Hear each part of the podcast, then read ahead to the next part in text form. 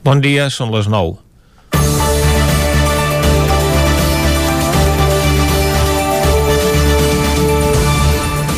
L'executiva nacional d'Esquerra Republicana ha acordat per unanimitat apartar Josep Maria Freixenet de la militància al partit durant dos anys. De fet, ja estava en aquesta situació de forma cautelar des del maig de l'any passat, quan se li va obrir un expedient disciplinari per haver violat el codi ètic del partit amb un comportament qualificat com a molt greu. Freixenet, o Frei pels Amics, no és un qualsevol a l'estructura orgànica del partit a Osona i militava des de 1987, quan es va afiliar a Esquerra Republicana en el que llavors era això, un acte de militància en una comarca on Convergència i Unió s'ho menjava tot. No hi havia càrrecs a repartir-se ni gairebé estructura en un partit on s'havia de picar pedra es, i es dormia poc en campanya electoral plantant cartells fins a les tantes de la nit. Amb els temps les coses van millorar tant pel partit com pel propi Freixenet, un dels alcaldes més antics d'Esquerra, que porta dos mandats com a llista única a Olost però a part d'alcalde també ha estat 7 anys diputat al Parlament de Catalunya, president del Consorci del Lluçanès o vicepresident del Consell Comarcal. És el Consell Comarcal on rauen tots els seus mals. Com a conseller i membre de la secció de règim intern, se l'acusa d'haver pressionat l'octubre de 2019 a l'empresa que va fer el test psicotècnic del concurs per escollir el gerent perquè modifiqués els resultats. Aquest procés de selecció va ser molt polèmic. En primer lloc, va generar controvèrsia pel sol fet de convocar-se, perquè en tractar-se d'un càrrec de confiança es pot nomenar a dit. El cas és que tot el procés es va anar enverinant i tot va esclatar quan només 5 dels 11 aspirants que es van presentar van superar el test psicotècnic. Aleshores es va aturar el procés i es va ajornar l'última fase, les entrevistes personals. Al final, qui es va endur el càrrec va ser el candidat favorit del president Joan Carles Rodríguez, segons anunciava una altra figura veterana del partit, Pere Prat. Per aquest motiu, l'exalcalde que va aconseguir uns resultats històrics pel partit en una població de les característiques de Manlleu es va acabar donant de baixa. Nosaltres desconeixem el que va poder fer o deixar de fer l'alcalde d'Olost, però els tres vicepresidents del Consell Comarcal, un de Junts per Catalunya, un altre del grup d'independents i un tercer d'Esquerra Republicana, així com el propi portaveu del partit, van testificar al seu favor. També el ple de l'Ajuntament i la secció local d'Olors, com moltes d'altres, li han donat ple suport perquè no renunciï als seus càrrecs institucionals com demana el partit. Tot aquest procés fa mal a qui el va denunciar a Freixenet, al Consell Comarcal d'Osona i al propi partit, però ja se sap que en política hi ha els amics, els enemics i els companys de partit. Comencem Territori 17, a la sintonia del 9 FM, la veu de Sant Joan, Ona Corinenca, Ràdio Cardedeu i el 9 TV. Territori 17, amb Vicenç Vigues i Jordi Sunyer.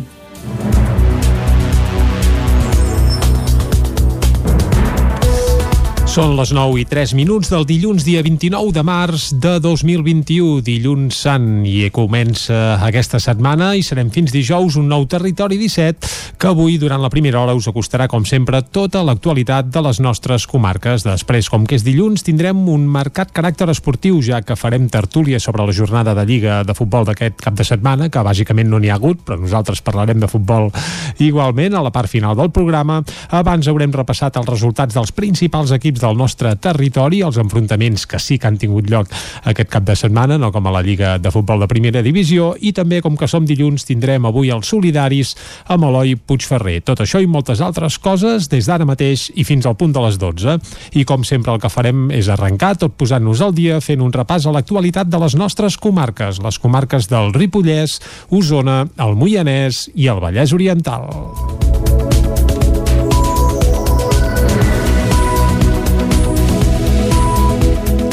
La regió sanitària de la Catalunya Central calcula que d'aquí a dues o tres setmanes s'haurà pogut administrar com a mínim la primera dosi de la vacuna de Pfizer-BioNTech a totes les persones d'Osona de més de 80 anys. Actualment el percentatge oscil·la entre el 25 i el 30%, mentre que en el cas de la població considerada gran dependent s'enfila fins a dues terceres parts. Segons va explicar la setmana passada la consellera de Salut en funcions Alba Vergés, a mesura que vagin arribant més dosis es rebaixarà l'edat i es començarà administrar el fàrmac a la gent de 70 a 79 anys.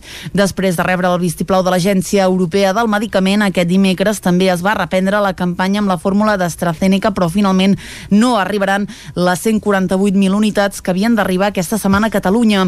Per tant, el ritme de vacunació es tornarà a l'antic com a mínim fins al dilluns dia 5 d'abril. Això suposa un nou entrebanc en l'objectiu de la Generalitat de Catalunya d'haver arribat a vacunar el 70% de la població catalana a finals d'estiu.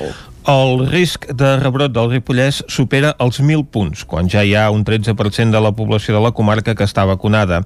Isaac Muntades, des de la veu de Sant Joan. Alarma al Ripollès per l'increment de casos de Covid-19 i el creixement sobtat de l'índex de risc de rebrot just abans de la Setmana Santa. Actualment, segons les dades del Departament de Salut, amb les últimes xifres disponibles de la setmana del 18 al 24 de març, aquest número s'eleva fins als 1.028 punts, gairebé el quàdruple que fa una setmana. La RT també s'ha disparat de manera alarmant, passant d'1,45 als 2,60 punts i els casos detectats de coronavirus per PCR o test d'antígens pugen de 32 a 63, amb una taxa de positivitat que supera el 10%. També s'ha de remarcar destacar com a cosa positiva que s'han doblat el nombre de proves que fa 7 dies i per tant és més assequible trobar-ne més. Les bones notícies venen de l'Hospital de Camp de Bànol perquè a hores d'ara ja només hi queden 9 pacients ingressats i no n'hi ha cap degut amb la infecció activa sinó que recuperen a l'àrea de sociosanitari. Tampoc hi ha cap professional positiu però sí que s'ha registrat una nova defunció d'un home de 83 anys, la quarantena del centre i la 79a de la comarca. Des de l'inici de la crisi sanitària, l'hospital ha donat d'alta a 261 pacients i ha diagnosticat 844 anàlisis positives positives dels 2.330 casos de Covid-19 que s'han detectat a la comarca. El centre hospitalari continua penjant testimonis de treballadors del centre a les xarxes socials que van passar el virus per conscienciar la gent que és una malaltia molt perillosa. Núria Darnés, infermera d'urgències del centre sanitari. Al desembre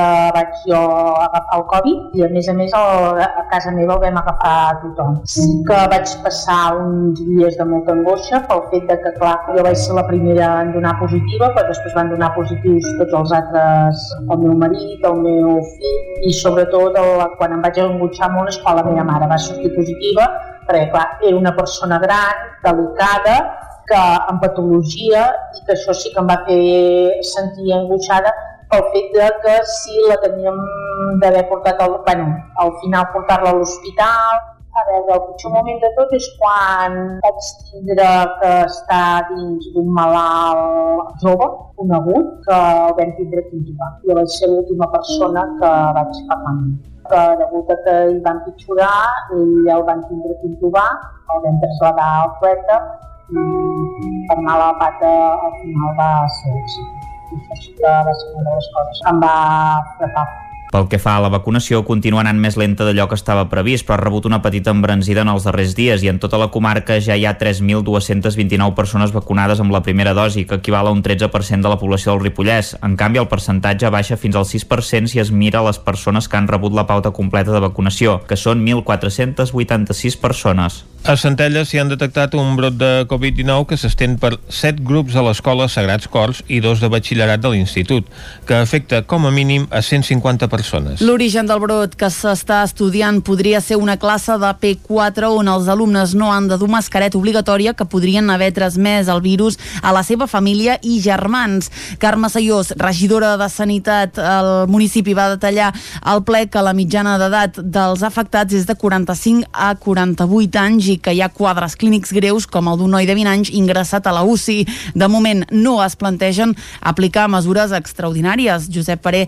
és l'alcalde de Centelles les dades doncs, no són positives, per tant sí que s'ha de donar un primer missatge de responsabilitat i que la gent sigui, sigui conscient i coherent amb, eh, amb les seves accions, que segueixin mantenint el mínim de contactes socials, que és realment on sorgeixen els, els, els problemes. Sí que hi ha un focus concret en un grup, però com els altres grups precisament perquè les coses es fan bé no, no hi ha una transmissió ni com a centre ni com a, a, a una generació concreta i poden haver activitats puntuals, però el que és important és això, que el, si hi ha contactes socials sense protecció sorgeixen els problemes i per tant s'ha de ser molt prudents. Tot i que a Centelles s'hi posen setmanalment 100 vacunes, l'Ajuntament qualifica de crítica la situació actual. Vic ha recuperat aquest cap de setmana el tradicional mercat del ram, després d'haver de suspendre l'edició de l'any passat a causa de la pandèmia. Des de l'Ajuntament han volgut demostrar que és possible fer una fira aplicant mesures per evitar el contagi de la Covid-19.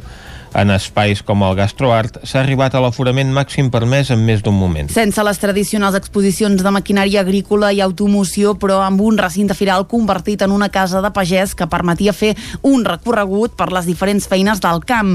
Això en un espai i en un altre al Parc Balmes al Gastroart, una mostra de gastronomia i artesania que ha permès reprendre l'activitat alguns firaires, encara que només sigui per un cap de setmana. N'escoltem un que venia d'Igualada.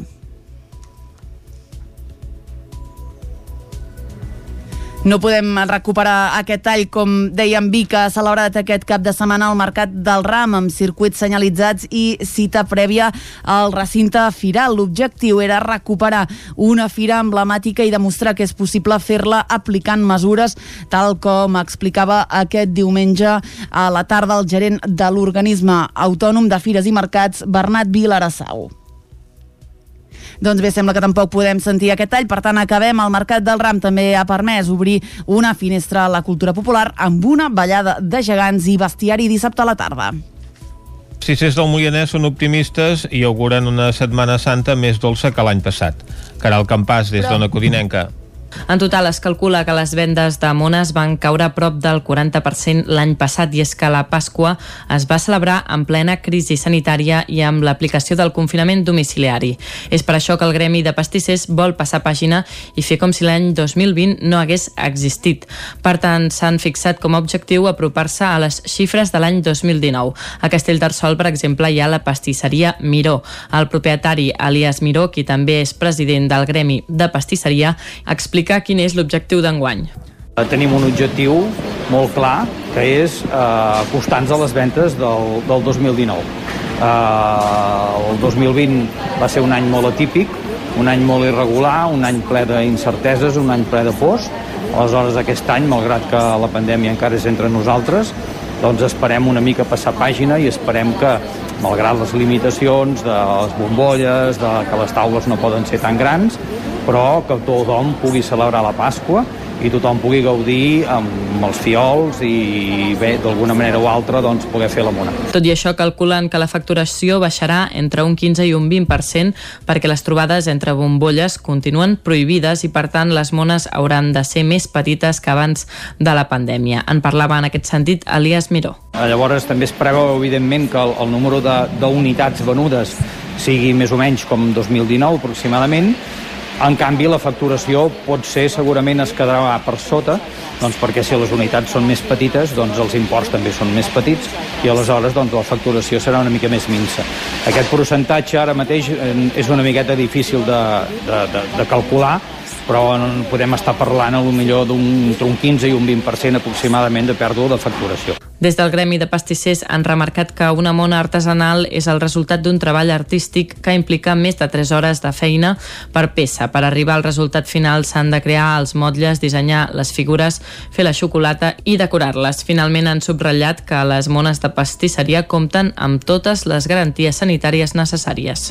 Setmana d'obertures a la ciutat de Granollers amb el nou Viena del centre i Decathlon City. David Auladell, de Ràdio Televisió Cardedeu. La cadena de restauració Viena es trasllada del local al centre de Granollers. L'establiment que durant 50 anys va estar al carrer Ensem Clavé va tancar aquest diumenge i avui ha obert en un nou local situat a poc més de 200 metres de distància, a la plaça Perpinyà.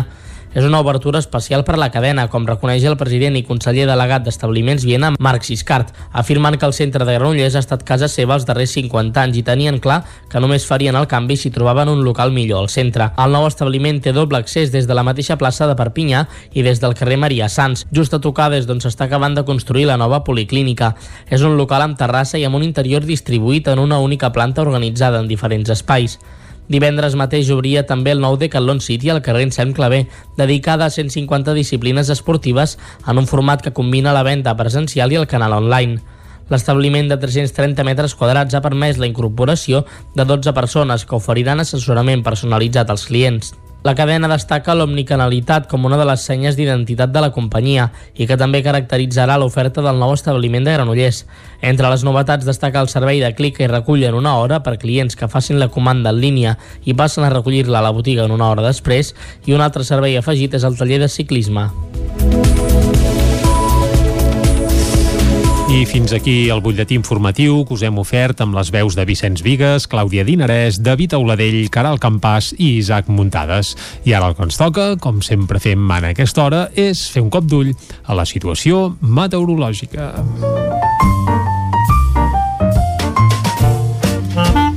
Casa Terradellos us ofereix el temps. I per parlar del temps, el que farem és saludar en Pep Acosta, que ens farà una mica de balanç del cap de setmana i segurament ens parlarà també d'aquesta Setmana Santa. Pep, molt bon dia.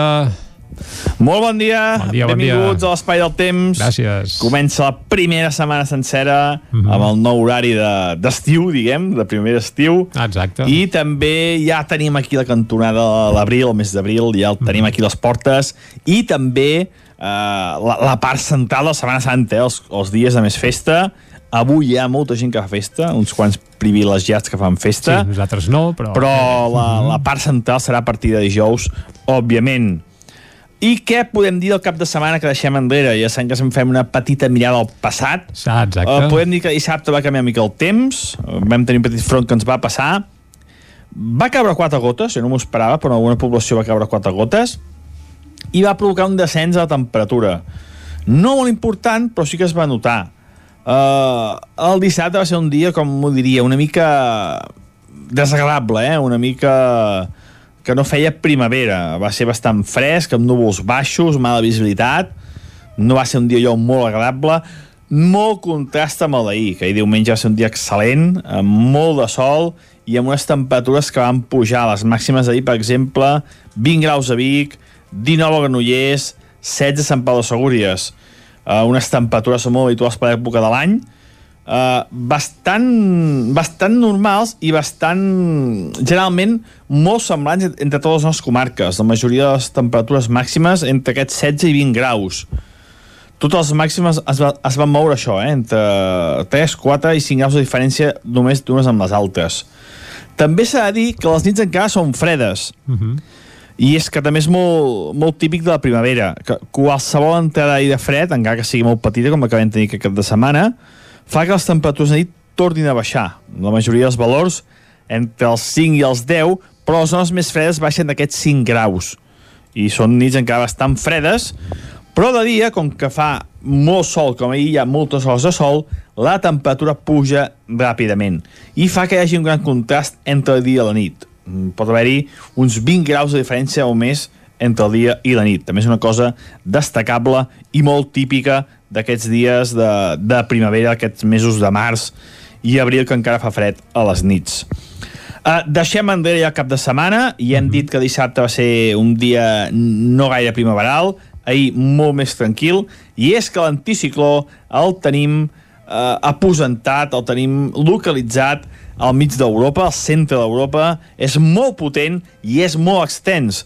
Avui gairebé tota Europa no hi ha gairebé cap núvol i uh, no plourà lloc i unes temperatures molt suaus que comencen a pujar Uh, és lògic, eh? ens anem acostant ja als dies d'abril, els dies on el sol i, el tenim moltes hores, moltes hores natural, i és lògic que les temperatures vagin pujant a tot l'hemisferi nord. Les mínimes, avui les mínimes tornen a ser una mica baixes, eh, tornen a ser una mica baixes a les nostres comarques, deixem ja Europa, deixem aquest anticicló que a la fi és el que, el que marca el temps que tenim a sobre nostra, però deixem Europa, ens centrem en les nostres comarques, aquesta nit encara ha sigut freda, alguna població ha baixat de 5 graus, si bé una altra vegada la majoria de, de, màxima, de mínimes perdó, han sigut els 5 i els 10 graus. Ha sigut una nit molt tranquil·la, molt serena, mmm, cap canvi, eh, molts pocs núvols, i així serà també el dia d'avui. Amb molt de sol, gairebé cap canvi, alguns núvols d'evolució a la tarda, molt poca cosa, no taparan el cel ni de bon tros, seran núvols de fer bonic, que no deixaran cap mena de precipitació. I les temperatures màximes molt semblants als d'ahir. La majoria de valors entre els 16 i els 20 graus. No es preveuen grans pujades ni grans baixades. I aquest anticicló eh, té tota la pinta, sembla que serà l'amo i senyor de la situació almenys fins dimecres dijous. A partir d'aquell dia els mapes ballen i pot ser que plogui, pot ser que vagi més fred, veurem, perquè hi ha altres mapes que ara diuen que no, que aquest canvi no es produirà. Els pròxims dies anirem informant del que passa, mm. perquè són dies que dies de festa, dies Aquest que sí, hi haurà moviment, molta gent amb el seu grup bombolla voltarà i veurem què és el que passarà. El que tenim clar és avui, eh? Avui molt anticicló, molta suavitat i molt de sol. Moltes gràcies i fins demà. Adéu, bon dia. Doncs vinga, moltes gràcies a tu, Pep, i estarem pendents sobretot de la previsió de cara al cap de setmana, que és quan, bé, que és quan bàsicament la majoria de la població sí que fa festa i eh, en aquest cas sí que és important saber el temps que farà, perquè com bé deies, ens podem desplaçar en el nostre grup bombolla a qualsevol racó de Catalunya. Fet aquest apunt, ara anem cap al quiosc. Casa Tarradellas us ha ofert aquest espai. Territori 17. Envia'ns les teves notes de veu per WhatsApp al 646 079 023. 646 079 023. WhatsApp Territori 17.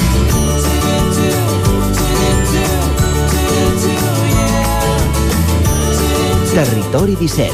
Som a Facebook, Twitter i Instagram amb l'usuari Territori 17.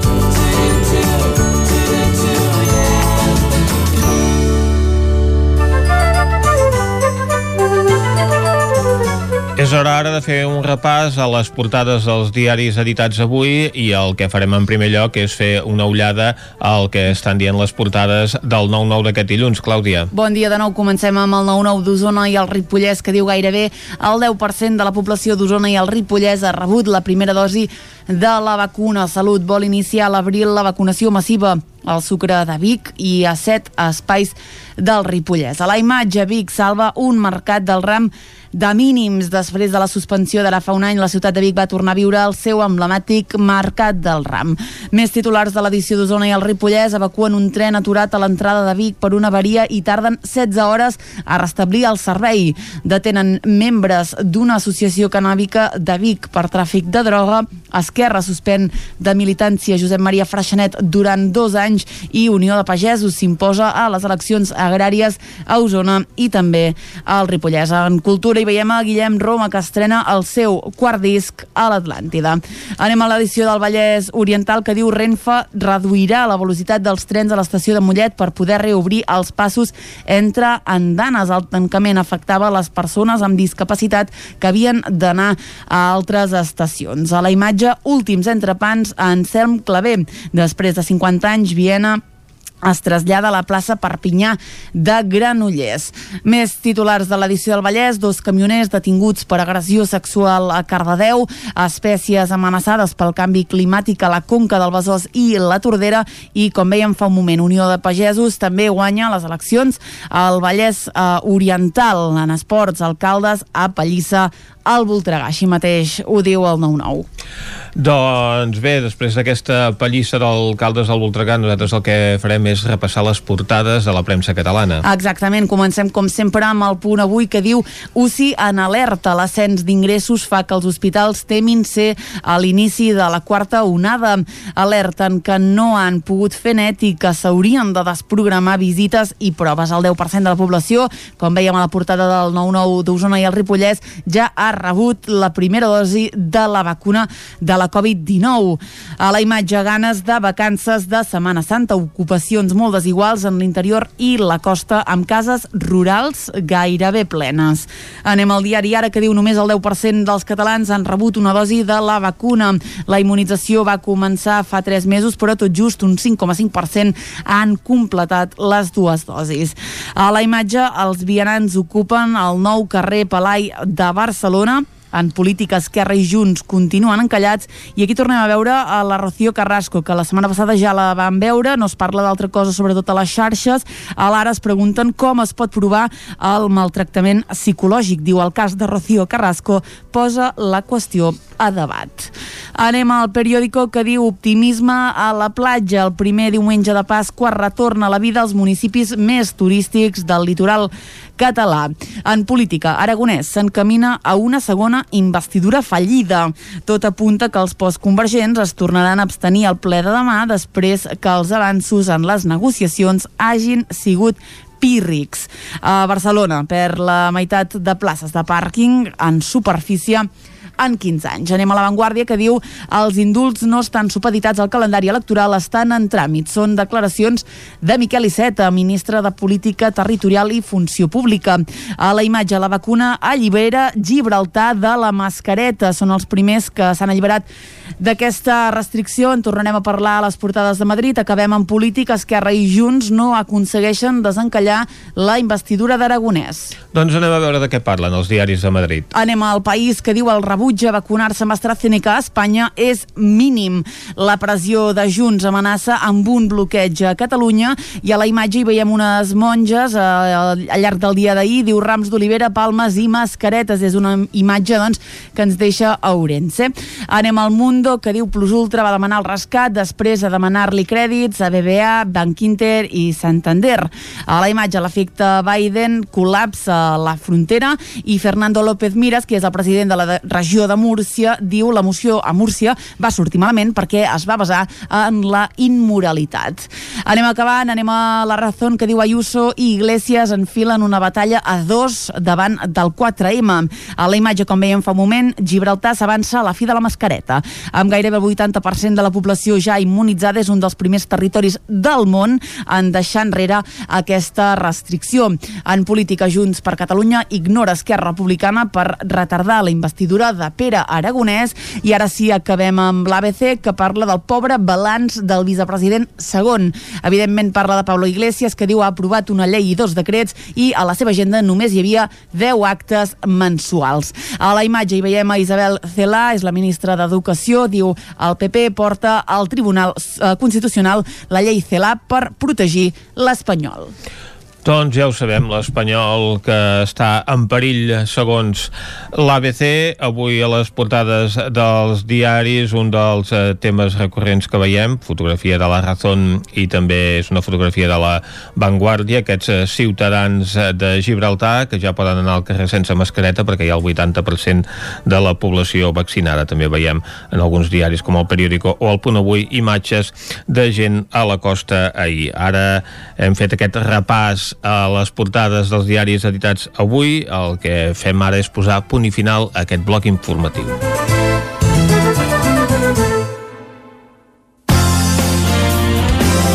El nou FM, la ràdio de casa, al 92.8. Pepeta Vilaró. Menjar a domicili per a gent gran. Menús saludables i adaptats segons les seves necessitats. Per viure més temps a casa amb millor salut i qualitat de vida. Informa-te'n al 931 31 71 81 o a pepetavilaró.cat. Pepeta Vilaró. La salut i el benestar dels nostres avis comença per cuidar el que mengen. Aquesta primavera, per estar bé a casa, vine a Mobles Verdolet. Sofàs, sales d'estudi, dormitoris, menjadors i molt més. Mobles fets a mida. Mobles Verdolet. Ens trobareu al carrer Morgades 14 de Vic i al carrer Nou 44 de Torelló i també a moblesverdolet.com. Passema, comercial de maquinària i utillatges amb més de 50 anys al vostre servei. Visiteu la nostra botiga i trobareu productes de gran qualitat. Passema, som al polígon Sot dels Pradals, al carrer Cervera 10 de Vic. Telèfon 93 885 32 51. Passema us desitja un bon mercat del ram.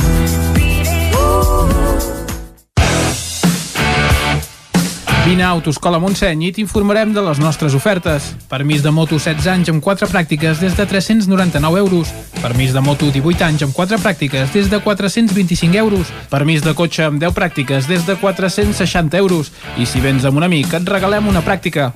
Per més informació, Autoscola Montseny, a la Rambla de Vallades 13, primer segona de Vic, al telèfon 93 885 45 88 i també a Facebook i Instagram. Autoscola Montseny us desitja un bon mercat del ram.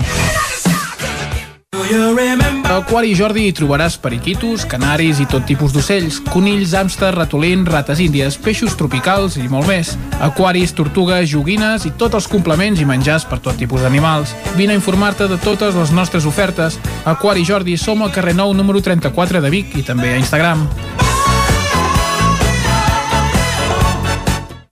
Vols gaudir d'un bon arròs a casa sense no haver d'embrutar ni preocupar-te per res? La Fogonera, paelles per emportar.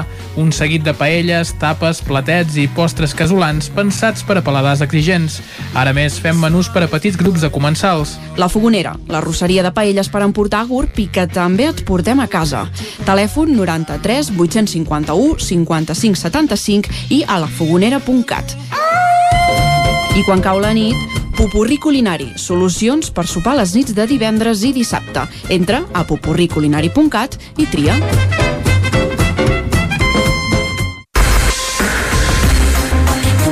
El nou FM, la ràdio de casa, al 92.8.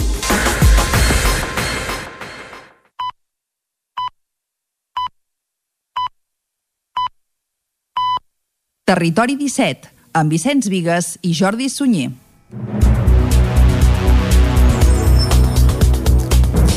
Dos quarts de deu en punt d'avui dilluns, dia 29 de març de 2021. Seguim en directe aquí a Territori 17 i de seguida us acostarem de nou tota l'actualitat de les nostres comarques. Després, a partir de les 10, un nou butlletí informatiu. Avui a l'entrevista parlarem amb el Josep Maria Freixanet, alcalde d'Olost, al qual feia referència en Vicenç a l'editorial d'avui, perquè durant dos anys ha estat eh, suspès de militància d'Esquerra Republicana de Catalunya. També, avui, com que és dilluns, farem un repàs a les jornades esportives dels nostres equips durant aquest cap de setmana, sabrem com els ha anat esportivament parlant i acabarem fent tertúlia esportiva, com sempre fem aquí, parlant de futbol de primera divisió. A més a més, també anirem als solidaris amb Eloi Puigferrer, que és dilluns, i el Descobrint Catalunya a Torelló. Avui els encants d'aquesta vila de la Vall del Gès. Tot això i moltes coses més des d'ara mateix i fins a les 12 del migdia. I ara el que ens toca és seguir acostant-vos l'actualitat de les nostres comarques, les comarques del Ripollès, Osona, el Moianès i el Vallès Oriental.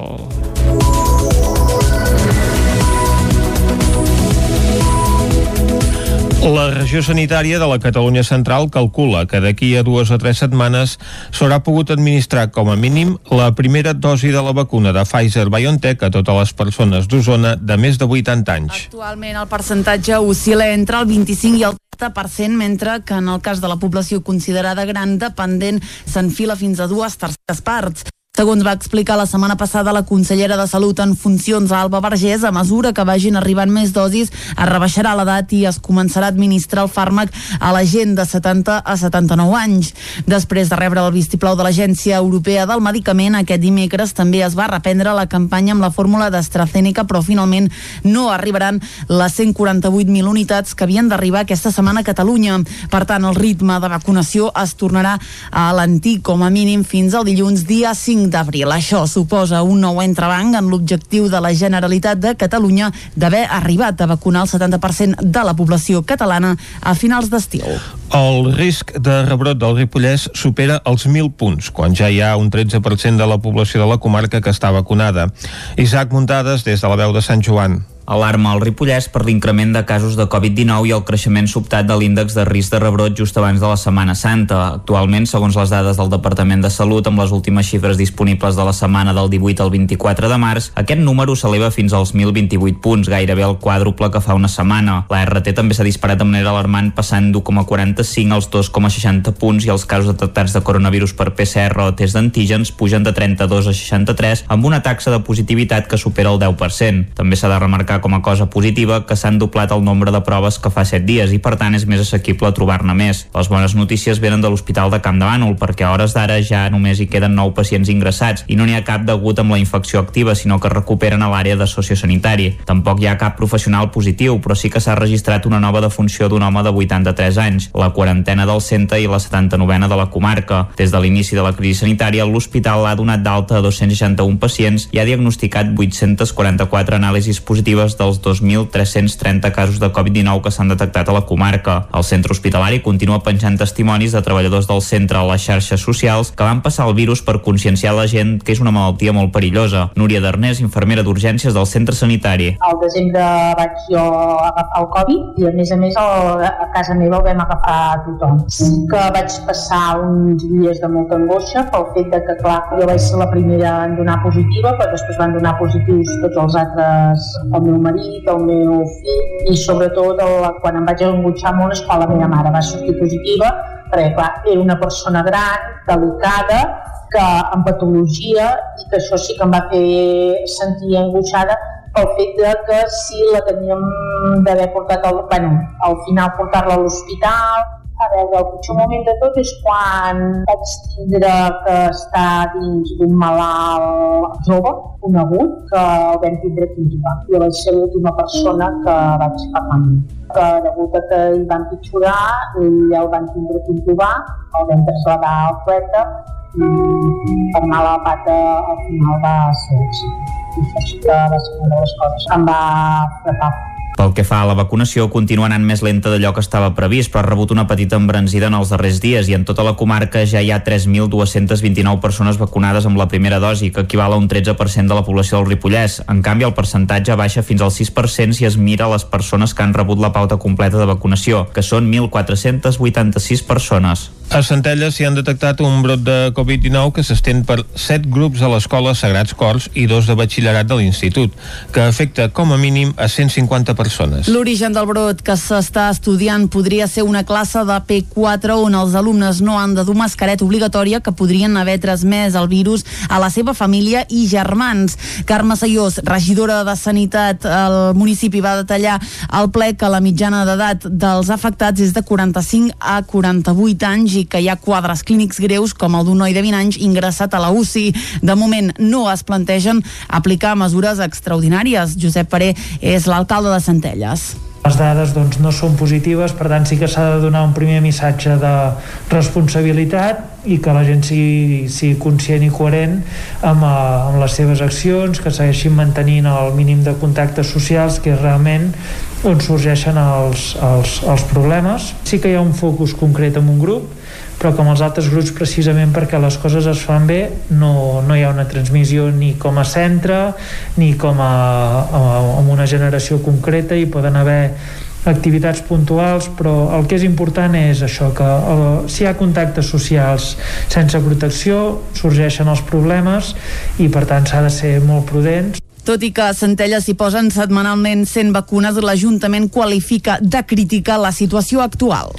Vic ha recuperat aquest cap de setmana el tradicional Mercat del Ram, després d'haver de suspendre l'edició de l'any passat a causa de la pandèmia. Des de l'Ajuntament han volgut demostrar que és possible fer una fira aplicant mesures per evitar el contagi de la Covid-19. En espais com el Gastroart s'ha arribat a l'aforament màxim permès en més d'un moment. Sense les tradicionals exposicions de maquinària agrícola i automoció, però amb un recinte firal convertit en una casa de pagès que permetia fer un recorregut per les diferents feines del camp. Això en un espai i en un altre al Parc Balmes al Gastroart, una mostra de gastronomia i artesania que ha permès reprendre l'activitat alguns firaires encara que només sigui per un cap de setmana. N'escoltem un que venia d'Igualada.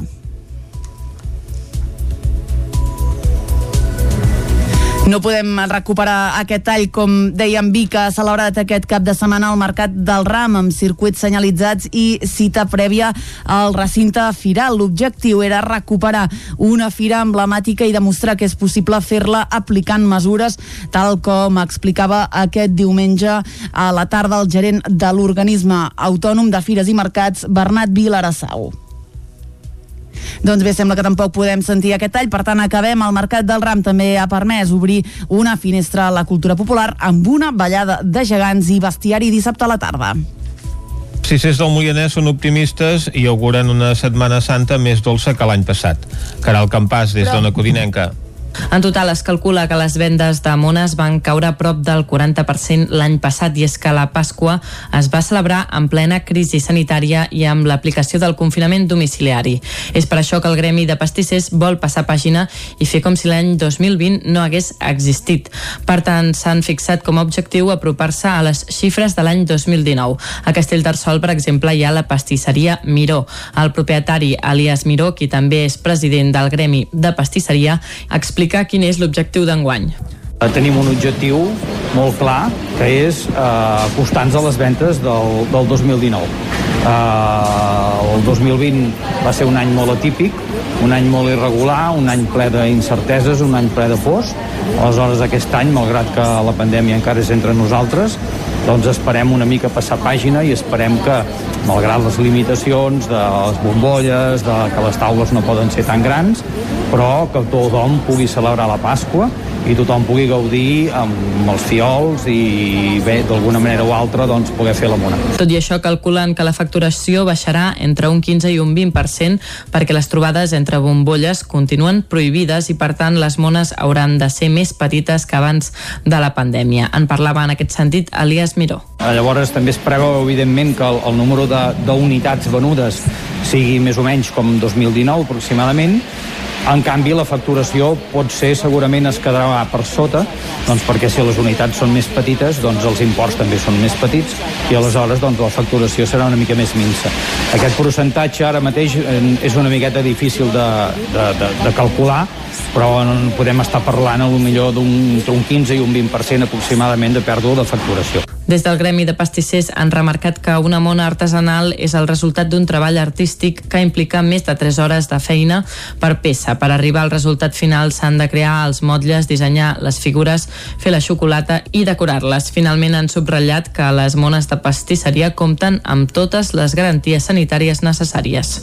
Setmana d'obertures a la ciutat de Granollers amb el nou Viena del centre i Decathlon City. David Auladell, de Ràdio Televisió Cardedeu. La cadena de restauració Viena es trasllada del local al centre de Granollers. L'establiment que durant 50 anys va estar al carrer en Clavé va tancar aquest diumenge i avui ha obert en un nou local situat a poc més de 200 metres de distància, a la plaça Perpinyà és una obertura especial per a la cadena, com reconeix el president i conseller delegat d'Establiments Viena, Marc Siscart, afirmant que el centre de Granollers ha estat casa seva els darrers 50 anys i tenien clar que només farien el canvi si trobaven un local millor al centre. El nou establiment té doble accés des de la mateixa plaça de Perpinyà i des del carrer Maria Sans, just a tocar des d'on s'està acabant de construir la nova policlínica. És un local amb terrassa i amb un interior distribuït en una única planta organitzada en diferents espais. Divendres mateix obria també el nou Decathlon City al carrer Sant Clavé, dedicada a 150 disciplines esportives en un format que combina la venda presencial i el canal online. L'establiment de 330 metres quadrats ha permès la incorporació de 12 persones que oferiran assessorament personalitzat als clients. La cadena destaca l'omnicanalitat com una de les senyes d'identitat de la companyia i que també caracteritzarà l'oferta del nou establiment de Granollers. Entre les novetats destaca el servei de clic i recull en una hora per clients que facin la comanda en línia i passen a recollir-la a la botiga en una hora després i un altre servei afegit és el taller de ciclisme. I fins aquí el butlletí informatiu que us hem ofert amb les veus de Vicenç Vigues, Clàudia Dinarès, David Auladell, Caral Campàs i Isaac Muntades. I ara el que ens toca, com sempre fem en aquesta hora, és fer un cop d'ull a la situació meteorològica.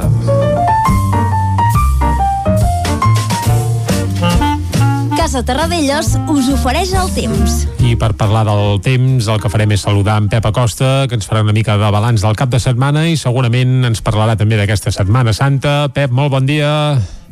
Molt bon dia, bon dia benvinguts bon dia. a l'Espai del Temps. Gràcies. Comença la primera setmana sencera mm. -hmm. amb el nou horari de- d'estiu, de, diguem, de primer estiu. Exacte. I també ja tenim aquí la cantonada de l'abril, el mes d'abril, ja el tenim aquí a les portes.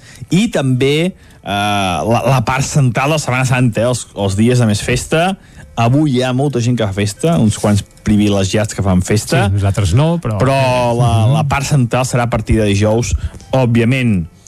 I què podem dir del cap de setmana que deixem enrere? Ja sabem que se'n fem una petita mirada al passat. Ah, exacte. Uh, podem dir que dissabte va canviar mica el temps, vam tenir un petit front que ens va passar, va caure quatre gotes, jo no m'ho esperava, però en alguna població va caure quatre gotes, i va provocar un descens de la temperatura. No molt important, però sí que es va notar. Uh, el dissabte va ser un dia, com m'ho diria, una mica desagradable, eh? una mica que no feia primavera. Va ser bastant fresc, amb núvols baixos, mala visibilitat. No va ser un dia allò molt agradable. Molt contrast amb el d'ahir, que ahir diumenge va ser un dia excel·lent, amb molt de sol i amb unes temperatures que van pujar. Les màximes d'ahir, per exemple, 20 graus a Vic, 19 a Granollers, 16 a Sant Pau de Segúries.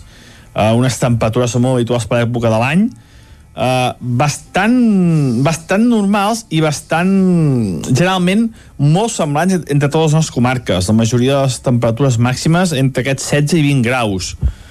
totes les màximes es, va, es van moure això, eh? entre 3, 4 i 5 graus de diferència només d'unes amb les altes. També s'ha de dir que les nits encara són fredes. Uh -huh. I és que també és molt, molt típic de la primavera, que qualsevol entrada d'aire fred, encara que sigui molt petita, com que vam tenir aquest cap de setmana, fa que les temperatures de nit tornin a baixar.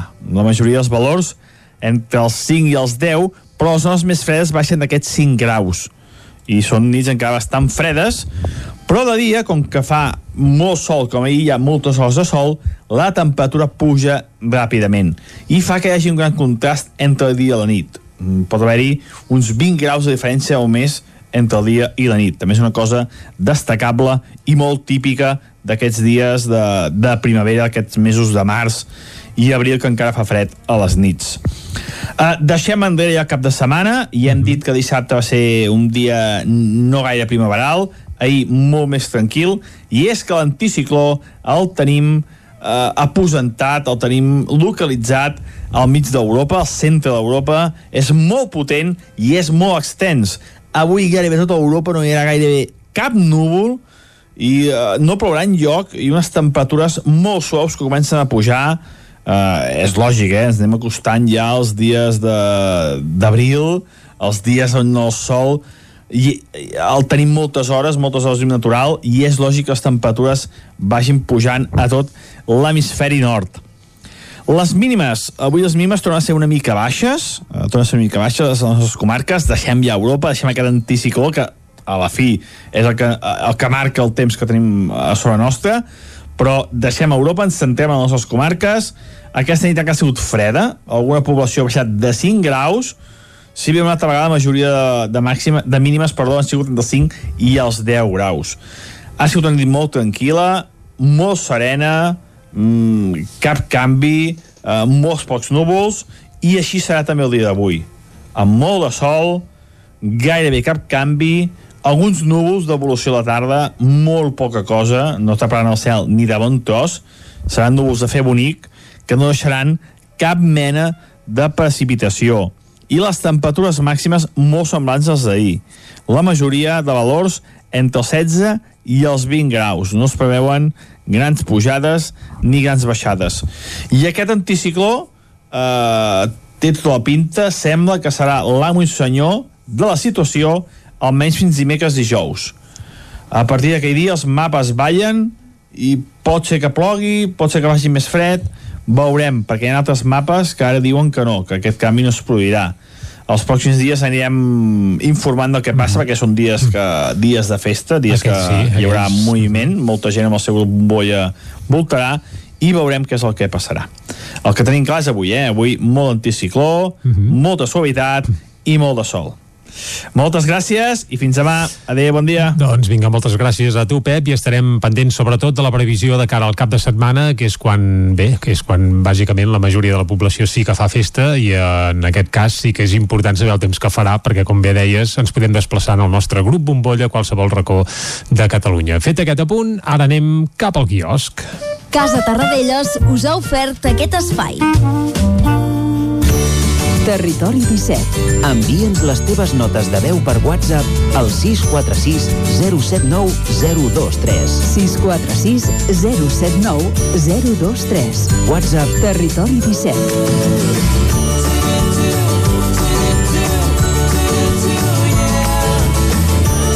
Territori 17. Som a Facebook, Twitter i Instagram amb l'usuari Territori 17.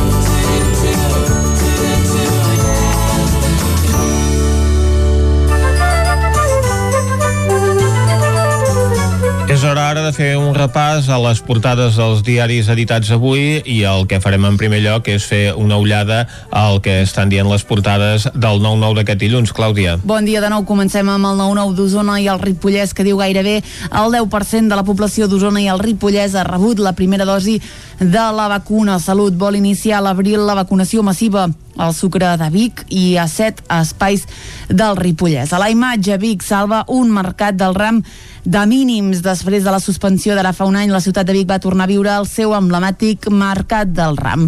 Més titulars de l'edició d'Osona i el Ripollès evacuen un tren aturat a l'entrada de Vic per una avaria i tarden 16 hores a restablir el servei. Detenen membres d'una associació canàbica de Vic per tràfic de droga. Esquerra suspèn de militància Josep Maria Freixenet durant dos anys i Unió de Pagesos s'imposa a les eleccions agràries a Osona i també al Ripollès. En cultura hi veiem a Guillem Roma que estrena el seu quart disc a l'Atlàntida. Anem a l'edició del Vallès Oriental que diu Renfe reduirà la velocitat dels trens a l'estació de Mollet per poder reobrir els passos entre andanes. El tancament afectava les persones amb discapacitat que havien d'anar a altres estacions. A la imatge, últims entrepans a Anselm Clavé. Després de 50 anys, Viena es trasllada a la plaça Perpinyà de Granollers. Més titulars de l'edició del Vallès, dos camioners detinguts per agressió sexual a Cardedeu, espècies amenaçades pel canvi climàtic a la Conca del Besòs i la Tordera i, com veiem fa un moment, Unió de Pagesos també guanya les eleccions al Vallès eh, Oriental. En esports, alcaldes a Pallissa al Voltregà. Així mateix ho diu el 9-9. Doncs bé, després d'aquesta pallissa d'alcaldes al Voltregà, nosaltres el que farem és repassar les portades de la premsa catalana. Exactament, comencem com sempre amb el punt avui que diu UCI en alerta. L'ascens d'ingressos fa que els hospitals temin ser a l'inici de la quarta onada. Alerten que no han pogut fer net i que s'haurien de desprogramar visites i proves. El 10% de la població, com veiem a la portada del 9-9 d'Osona i el Ripollès, ja ha rebut la primera dosi de la vacuna de la Covid-19. A la imatge, ganes de vacances de Setmana Santa, ocupacions molt desiguals en l'interior i la costa, amb cases rurals gairebé plenes. Anem al diari ara que diu només el 10% dels catalans han rebut una dosi de la vacuna. La immunització va començar fa 3 mesos, però tot just un 5,5% han completat les dues dosis. A la imatge, els vianants ocupen el nou carrer Palai de Barcelona en política Esquerra i Junts continuen encallats i aquí tornem a veure a la Rocío Carrasco que la setmana passada ja la vam veure no es parla d'altra cosa sobretot a les xarxes. A l'ara es pregunten com es pot provar el maltractament psicològic. Diu el cas de Rocío Carrasco posa la qüestió a debat anem al periòdico que diu optimisme a la platja el primer diumenge de Pasqua retorna la vida als municipis més turístics del litoral català en política, Aragonès s'encamina a una segona investidura fallida.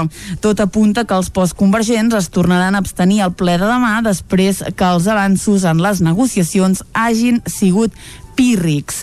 A Barcelona, per la meitat de places de pàrquing en superfície en 15 anys. Anem a l'avantguàrdia que diu els indults no estan supeditats al calendari electoral, estan en tràmit. Són declaracions de Miquel Iceta, ministre de Política Territorial i Funció Pública. A la imatge, la vacuna allibera Gibraltar de la mascareta. Són els primers que s'han alliberat d'aquesta restricció. En tornarem a parlar a les portades de Madrid. Acabem en política. Esquerra i Junts no aconsegueixen desencallar la investidura d'Aragonès. Doncs anem a veure de què parlen els diaris de Madrid. Anem al país que diu el rebuig a vacunar-se amb AstraZeneca a Espanya és mínim. La pressió de Junts amenaça amb un bloqueig a Catalunya i a la imatge hi veiem unes monges eh, al llarg del dia d'ahir, diu rams d'olivera, palmes i mascaretes. És una imatge doncs, que ens deixa a Ourense. Anem al Mundo, que diu Plus Ultra va demanar el rescat després de demanar-li crèdits a BBA, Bank Inter i Santander.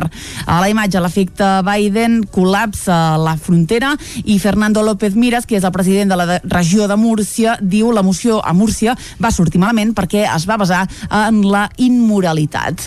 Anem acabant, anem a la raó que diu Ayuso i Iglesias enfilen una batalla a dos davant del 4M. A la imatge, com veiem fa un moment, Gibraltar s'avança a la fi de la mascareta.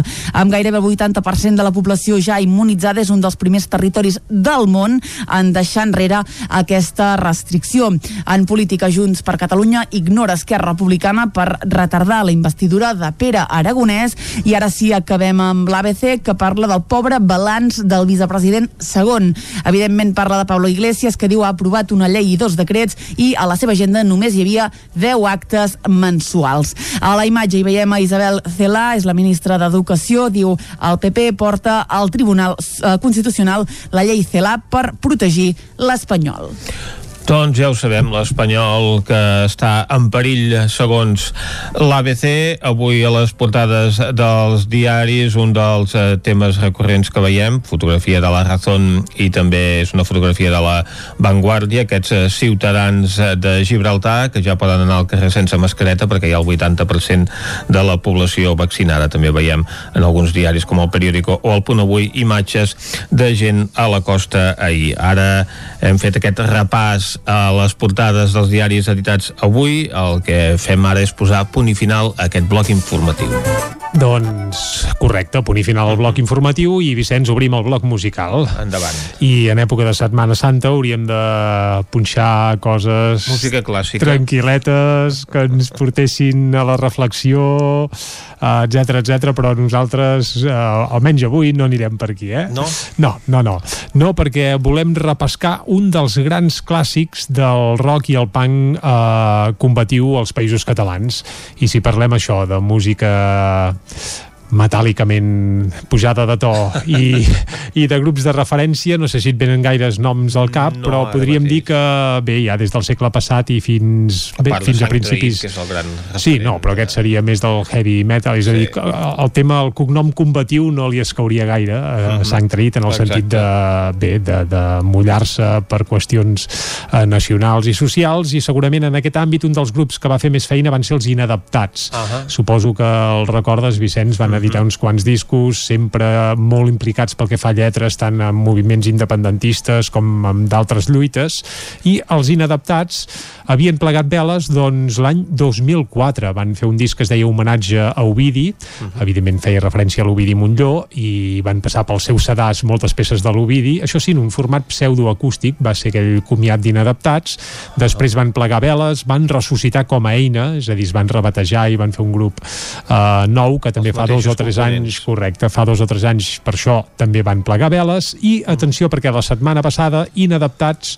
sense previ avís i sense que, bé, que haguessin, haguessin fet córrer res, doncs van reaparèixer, i no allò un revival o així, que n'han fet un parell, eh? durant aquests darrers anys havien fet un parell de concerts, però no, han reaparegut amb una peça nova que es diu Inacabats però mai vençuts.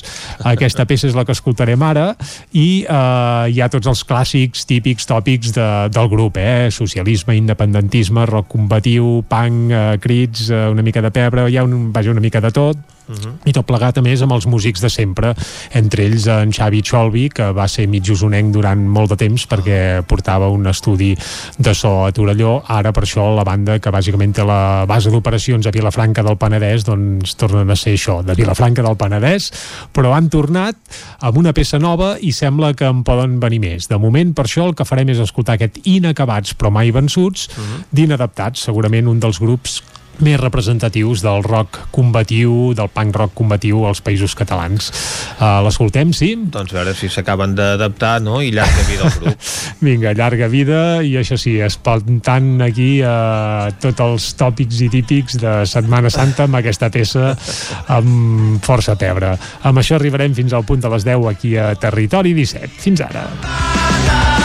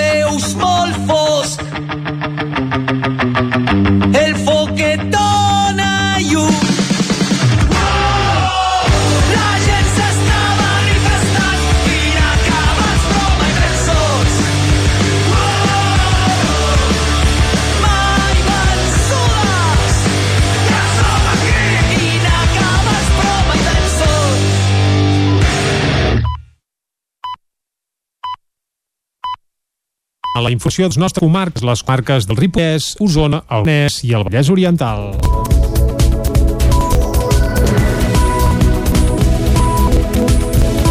Durant el 2020 es va fer més d'un desment a la zona. El 31 de març d'aquest mateix any el govern nacional va aprovar una llei que diava l'expansió desnonament de lloc per famílies que s'havien vist arrossegades per les conseqüències excessivament econòmiques de la crisi del coronavirus. Aquesta no va ser l'única mesura legislativa que va terme passar en matèria de desnonaments. El 22 de desembre n'arribava una altra també des del govern espanyol en què es prolongava la pensió i excluïa les famílies vulnerables abans de la pandèmia que no disposessin de contracte de lloguer o que estiguessin ocupant pisos de grans tenidors. No obstant això, i segons dades del General del Poder Judicial, durant el 2020 a Osona es va fer 67 desnonaments, una dada que es redueix a un desnonament per setmana. D'aquests 67, 57 van ser per no pagar la lloguer, el 10 restants 7 van ser per impagaments d'hipoteca i 3 per altres qüestions com embarrents per part de l'administració pública de Pa Osona. Carme Roquer alerta que aquestes dades poden ser enganyoses perquè hi ha processos judicials que es van acabar adjudicant altres que es van aturar. Amb les dades a la mà, ara totes les mirades estan posades en el 9 de maig quan hi haurà l'aixecament de l'estat d'alarma a partir d'aquest dia, segons Roquer, pot haver-hi una onada de desnonaments. Un operatiu conjunt entre policia local i Mossos d'Esquadra va acabar amb cinc detinguts aquest divendres a Manlleu, en la intervenció d'un domicili on hi havia una plantació amb 390 plantes de marihuana. Segons fons policials, es tractaria d'una entrada per temes de salut pública. Fins al lloc dels fets s'hi van desplaçar quatre furgonetes dels Mossos d'Esquadra, dues ambulàncies i diversos operatius de la policia local de Manlleu. L'edifici intervingut es troba a la carretera d'Olot, just al costat de la plaça Sangles Alzina. Tots els efectius van arribar al punt de la intervenció al voltant de dos quarts de deu del matí. D'altra banda, la Policia Nacional i la Guàrdia Urbana de Vic van detenir tres persones per un presumpte delicte contra la salut pública. Serien els responsables d'una associació canàbica de la ciutat que, segons la policia, s'utilitzava com a tapadora per la venda il·legal de substàncies estupefaents. El passat dilluns van escorcollar les seves instal·lacions d'on van comissar 260 grams de xix i 3,8 quilos de marihuana. També van citar a declarar el secretari i el tresorer de l'associació canàbica. Llum verda per posar noms a dona, una plaça, un mirador i un passatge de Caldes de Montbui. Neus Català, Elisabet Eidenberg i les Bruixes són els noms escollits. Caral Campàs, des d'Ona Codinenca. El ple ordinari del mes de març ha aprovat el nom per denominar una plaça, un mirador i un passatge. En concret, s'ha optat per batejar com a Neus Català i Pallejar la plaça que hi ha sobre el nou pàrquing al centre sindicat. També s'ha decidit denominar amb el nom d'Elisabet Eidenbenz el mirador que està situat al final del carrer Sant Jordi. Finalment s'ha aprovat posar el nom de passatge de les Bruixes al passatge situat al carrer de Joan Samsó entre el carrer del Forn i la plaça de la Font del Lleó.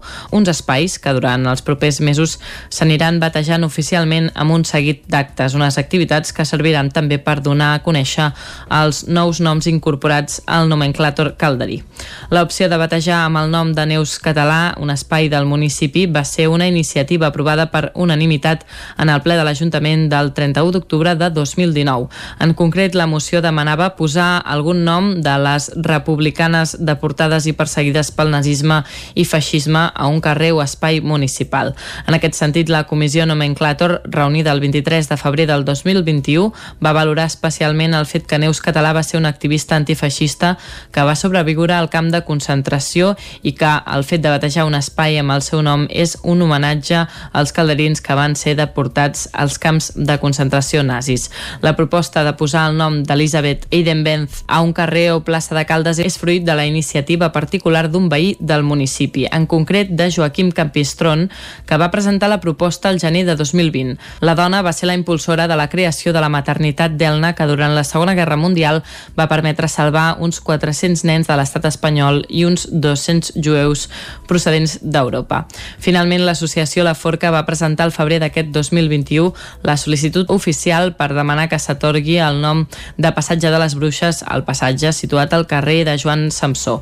A la proposta, l'entitat defensa que amb aquesta denominació es fa un pas endavant per canviar el concepte i la imatge de bruixa. A la vegada és una manera de reconèixer els crims comesos contra aquestes dones i permet crear espais que ajuden a reflexionar. El ple del Consell Comarcal va aprovar una moció per declarar el Vallès Oriental comarca feminista. La va presentar el grup comarcal d'Esquerra Republicana de Catalunya, acord municipal, i va ser aprovada per unanimitat. David Auladell, de Ràdio Televisió, Cardedeu.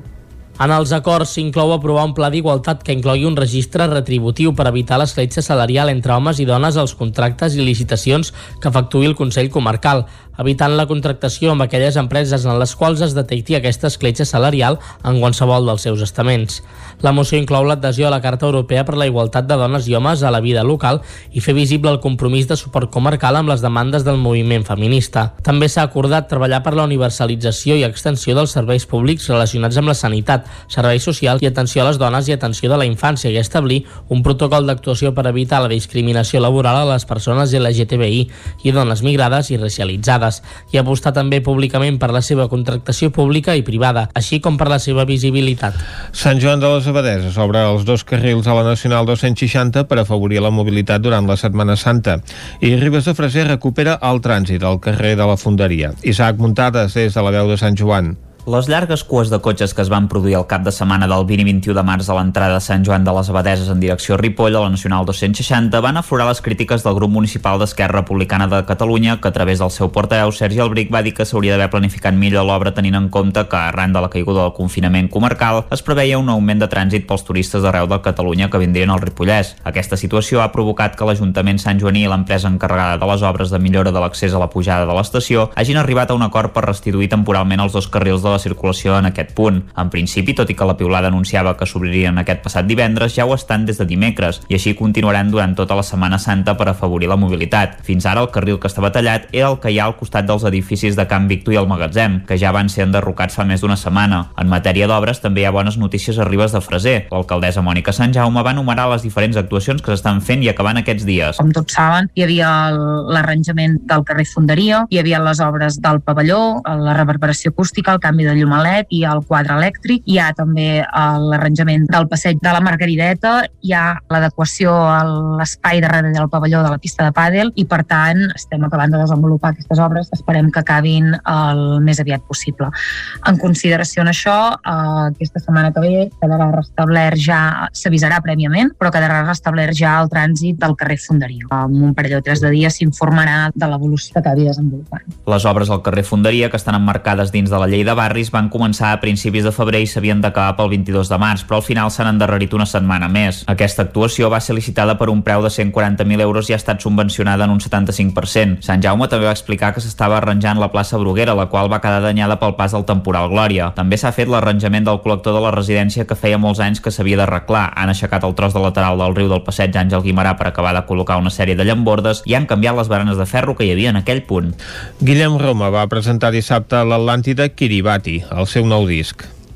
Kiribati és un petit país enmig del Pacífic i el primer estat del món que desapareixerà quan el mar pugi per efecte del canvi climàtic. Guillem Roma l'ha escollit com a títol del seu nou disc que ha sortit aquesta setmana i també del tema del nou videoclip. El músic usonenc va presentar dissabte a l'Atlàntida el que és el seu quart treball discogràfic que ha produït Panchi Badí, amb un toc optimista després de la pandèmia, però també amb reflexions sobre l'impacte de l'espècie humana en el planeta. Ho explicava en declaracions al programa La Tremoia del Nou TV.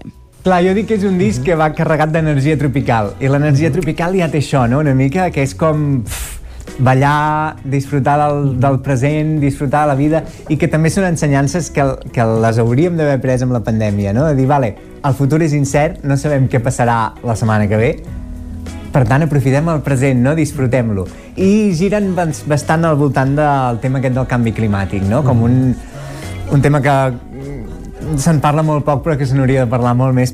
El disc hi destaquen dues col·laboracions, la del duet Daniel Mestres Matando, un dels exponents de la renovació del bolero a Mèxic, el tema Ja nunca lo sabràs, i la de Sílvia Pérez Cruz a la cançó La profecia.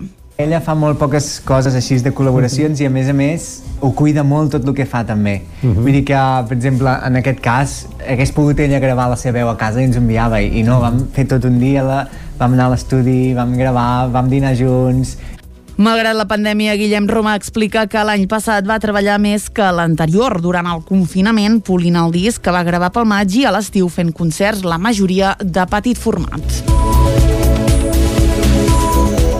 I fins aquí el butlletí informatiu de les 10 del matí que us hem ofert amb Vicenç Vigues, Clàudia Dinarès, David Auladell, Caral Campàs i Isaac Muntades. Ara el que toca, de nou, és ser una ullada al temps.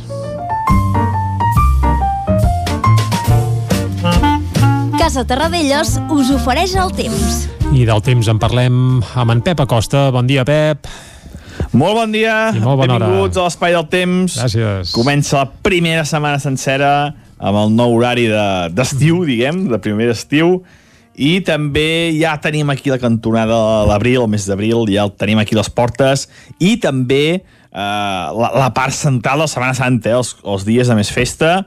Avui hi ha molta gent que fa festa, uns quants privilegiats que fan festa, però la, la part central serà a partir de dijous, òbviament. I què podem dir del cap de setmana que deixem enrere? Ja sabem que si en fem una petita mirada al passat. Uh, podem dir que dissabte va canviar mica el temps, vam tenir un petit front que ens va passar. Va caure quatre gotes, jo no m'ho esperava, però en alguna població va caure quatre gotes, i va provocar un descens de la temperatura. No molt important, però sí que es va notar. Uh, el dissabte va ser un dia, com m'ho diria, una mica desagradable, eh? una mica que no feia primavera. Va ser bastant fresc, amb núvols baixos, mala visibilitat. No va ser un dia allò molt agradable. Molt contrast amb el d'ahir, que ahir diumenge va ser un dia excel·lent, amb molt de sol i amb unes temperatures que van pujar. Les màximes d'ahir, per exemple, 20 graus a Vic, 19 a Granollers, 16 a Sant Pau de Segúries.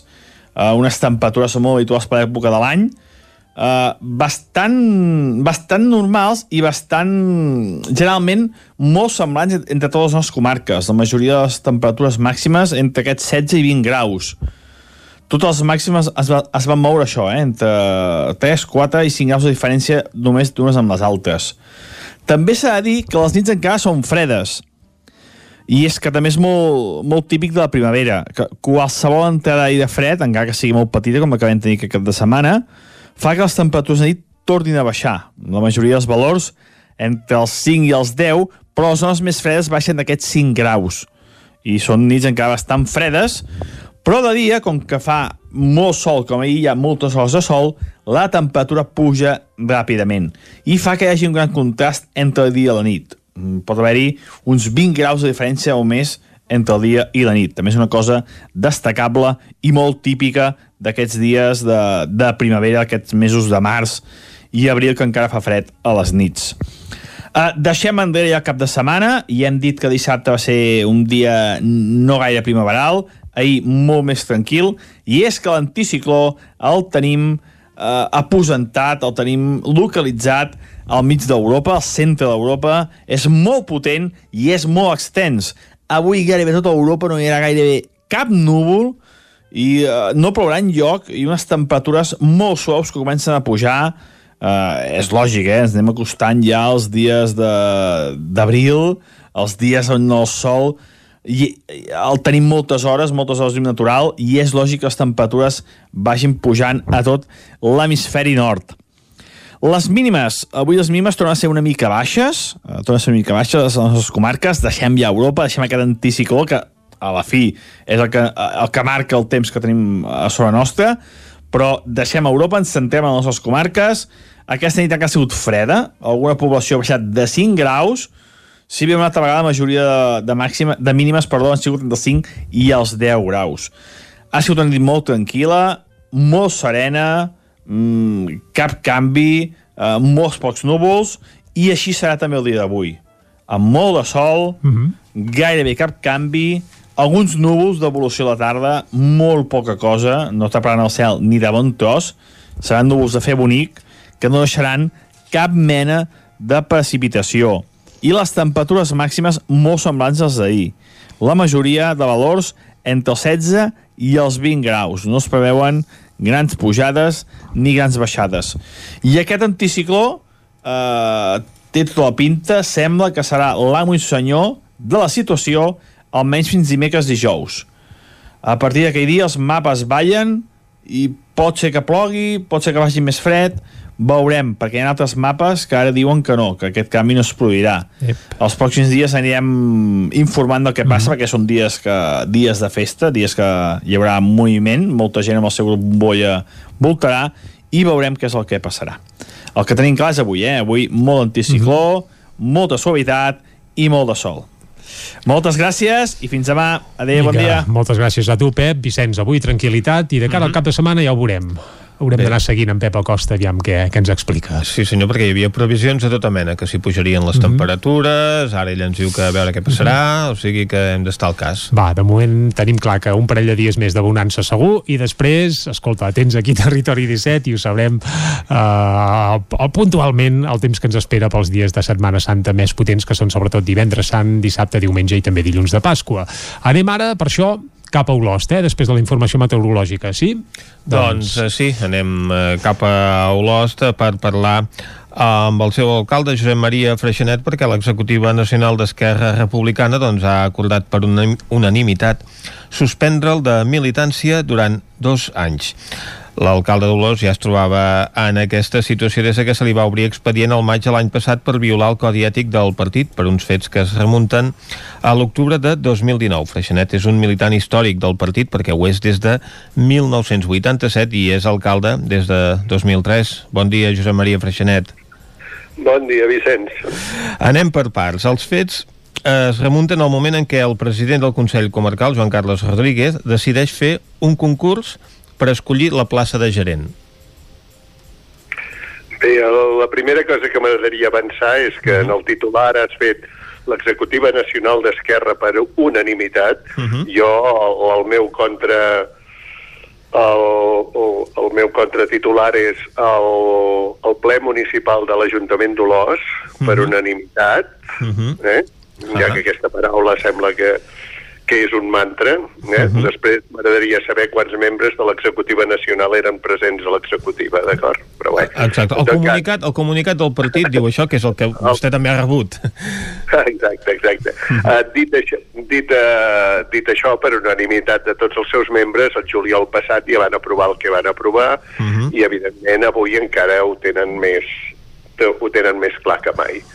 El, el problema quan comença, mm, jo, jo crec que aquí, si, volgue, si volem anar a buscar problemes concrets, eh, jo crec que això és una ràtzia personal política contra la meva persona i que s'ha utilitzat uns eh, elements, és a dir, el Consell Comarcal d'Osona eh, p- podia tenir eh, podia tenir gerent eh, l'endemà mateix o al cap d'una setmana de prendre possessió tots els consellers comarcals d'aquesta nova legislatura 19-23. Perquè és un, càrrec, és un càrrec de confiança que la majoria de consells es nomena per designació directa.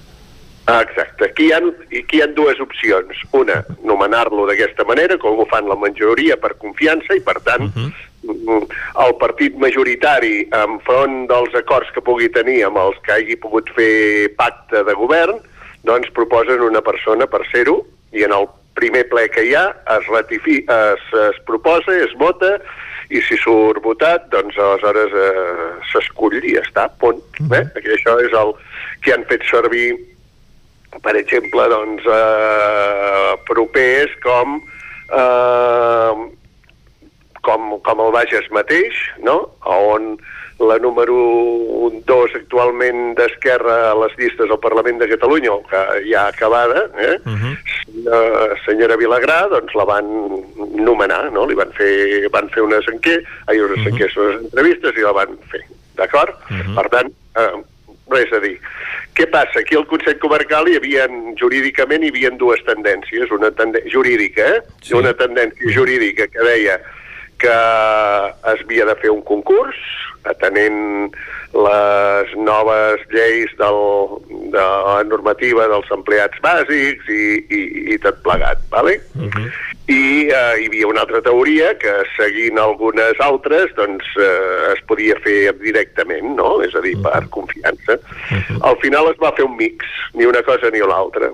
És a dir, per justificar una cosa que el Consell Comarcal ha creat molts problemes amb els treballadors, es va fer un procés selectiu en el qual doncs, hi havia d'haver un, primer una prova psicotècnica, d'aquesta prova psicotècnica mm, després es feia una entrevista i després es, es proposava el nomenament de la gerència, d'acord?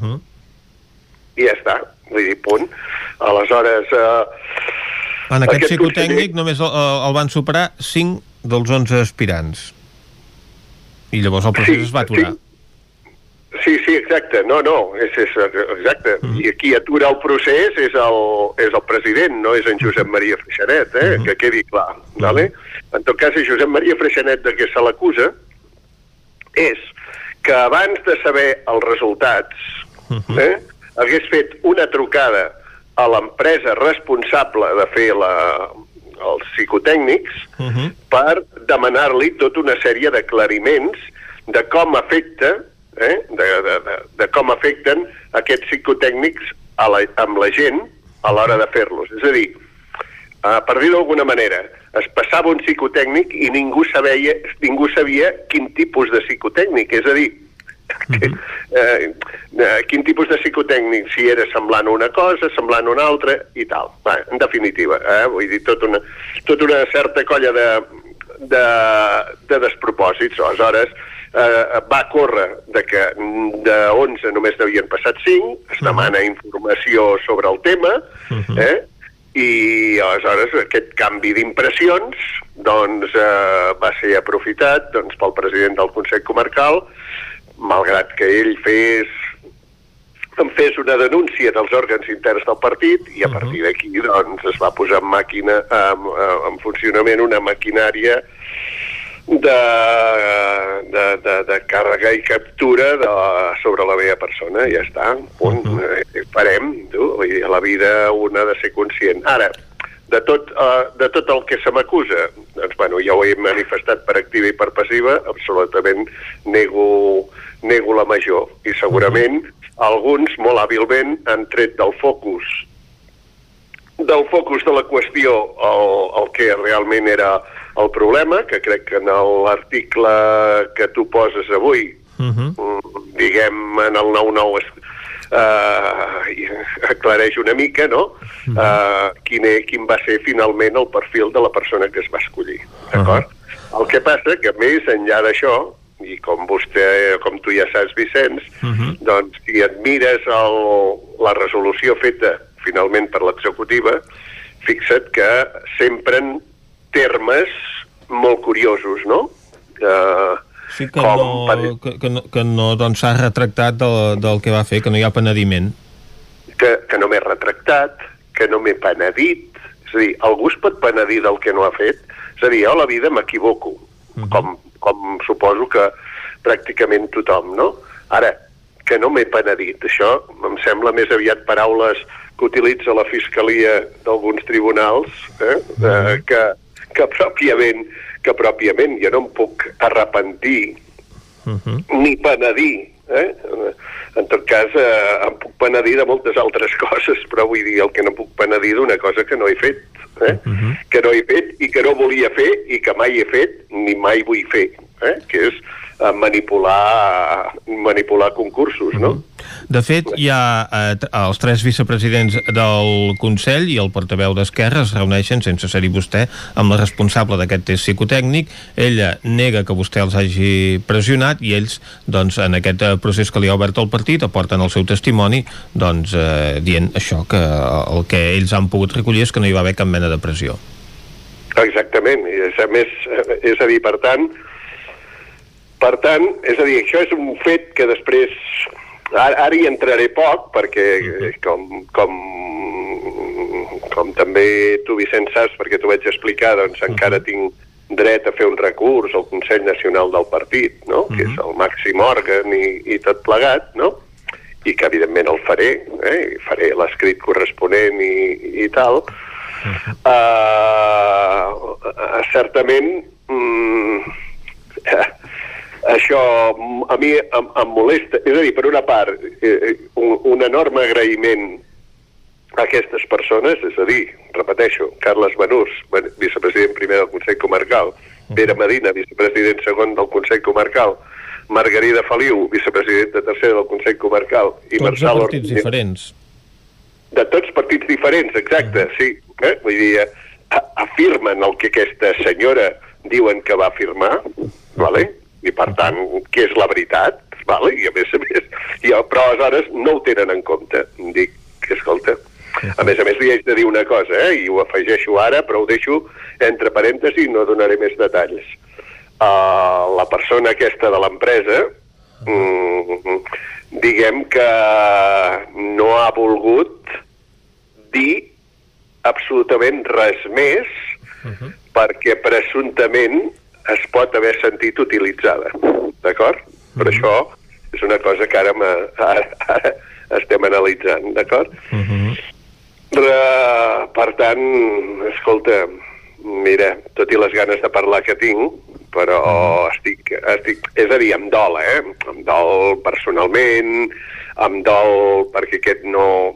no jo no reconec aquest partit amb aquesta manera d'actuar i en tot cas, si haig de purgar mm, aspectes eh, que en moments determinats em fan discrepar de certes coses, aquestes discrepàncies jo les mostro a l'entorn d'allà on les haig de mostrar, eh? no les faig no les, no les faig públiques. I per altra part, i repeteixo, eh, Vicenç, eh, Se'ns acaba en el temps, o sigui, ens queda mig minut, Josep Maria, perquè ve la, la desconnexió de publicitat. Claríssim. claríssim. Uh, si alguna cosa haig de dir és que jo he votat com l'equip de govern fins a dia d'avui sense saltar-me mai cap votació. Més lleialtat al grup i al partit que això, que la busquin, perquè en el meu partit n'hi ha molts que en moments determinats han votat diferent i ningú els ha dit absolutament res. Ho hem de deixar aquí, doble... Josep Maria. Vale. Gràcies per acompanyar-nos. Molt bé, adéu. El 9 FM, la ràdio de casa, al 92.8. Vols gaudir d'un bon arròs a casa sense no haver d'embrutar ni preocupar-te per res? La Fogonera, paelles per emportar. Un seguit de paelles, tapes, platets i postres casolans pensats per a paladars exigents. Ara més, fem menús per a petits grups de comensals. La Fogonera, la rosseria de paelles per emportar a GURB i que també et portem a casa. Telèfon 93 851 55 75 i a lafogonera.cat. I quan cau la nit, Popurrí Culinari, solucions per sopar les nits de divendres i dissabte. Entra a popurriculinari.cat i tria.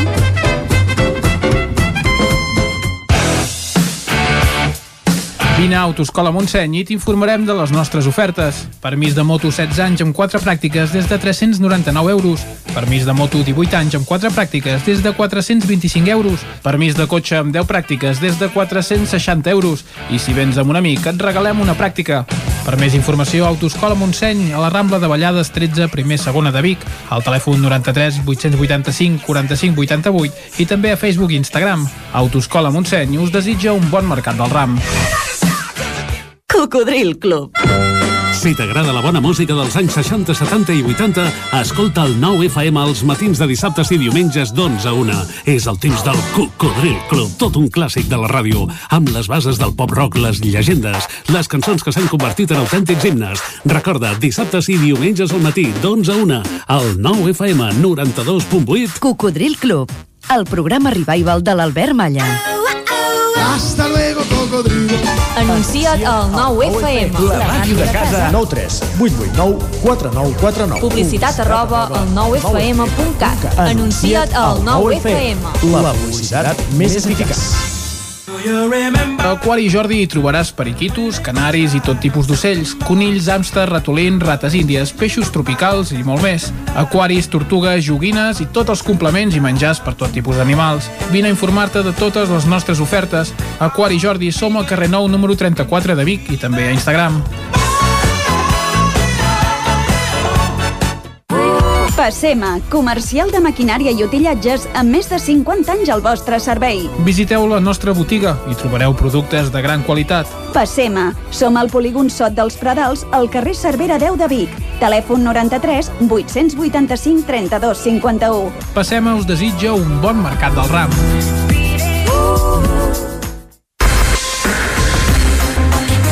El 9 FM, la ràdio de casa, al 92.8.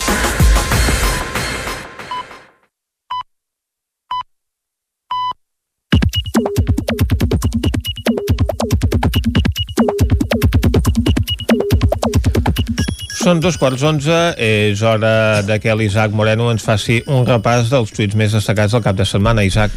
Hola, bon dia. Has trobat coses aquests dies Home, no sé si del és mercat del ram o de, de, què, aquestes festes assenyalades. I trifulgues polítiques, també. Eh? També, no? Sí. També n'hi ha hagut alguna, em sembla. La Marta Rovira, biquetant exiliada a Suïssa, secretària general d'Esquerra, uh Mhm. -huh. eh, compartia un fragment del Preguntes Freqüents de TV3 de dissabte a la nit en què Pilar Rola acabava dient que la Meritxell Serret ha tornat a l'exili i que aviat tornarà Marta Rovira. Ep. I això va encendre la Marta Rovira que feia un fil de tres piulades. Mhm. Fa dies que la mare es queixa que la senyora Rola per com parla de les exiliades d'Esquerra, tot i que és ben conscient que ho diu per interessos polítics. Però avui sóc jo la que no puc callar. Em pregunto com i per què es pot banalitzar la repressió d'aquesta manera.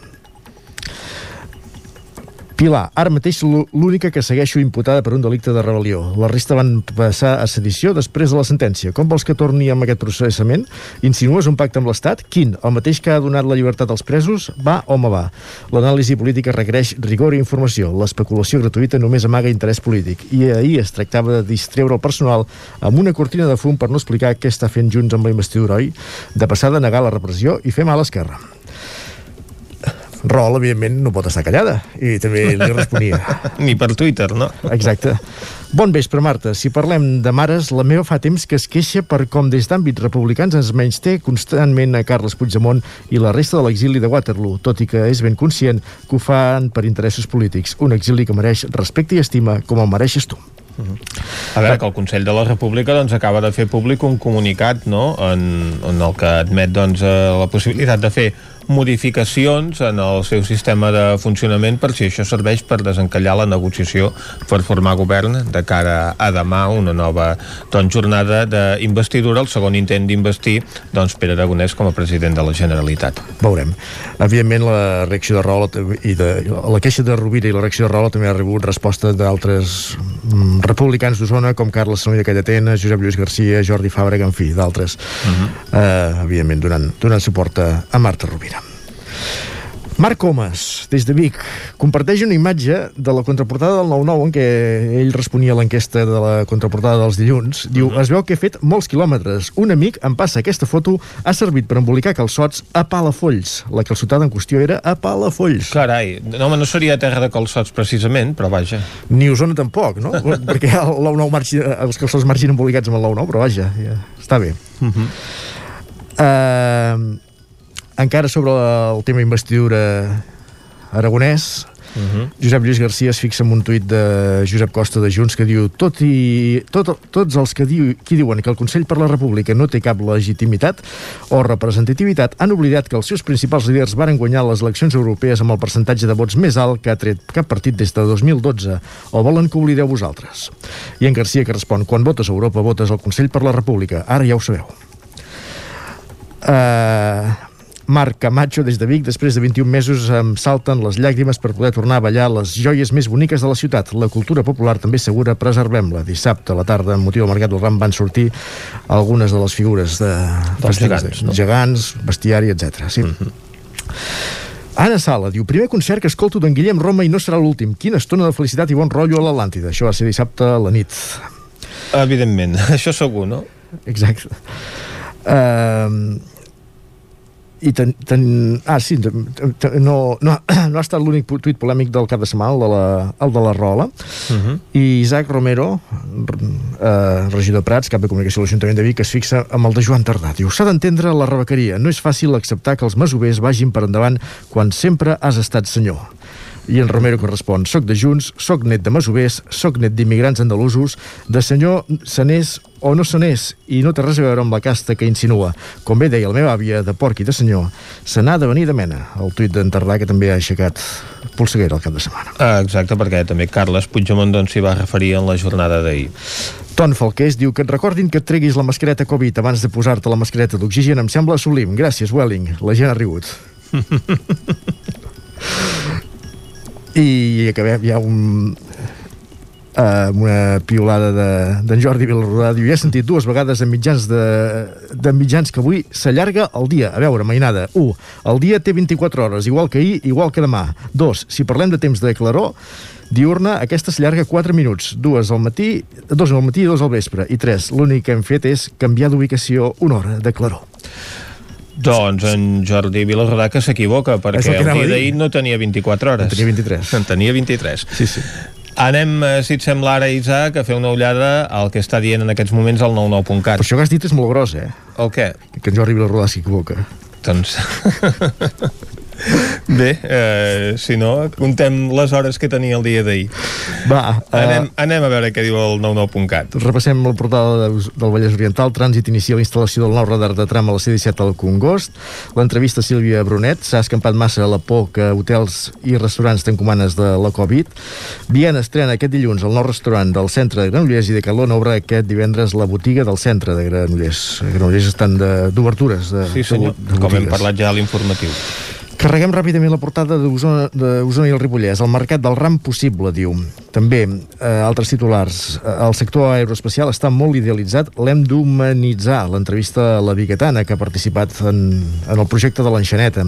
Unió de Pagesos guanya les eleccions agràries seguit de Jarc i Laura Borràs inaugura el mercat del ram.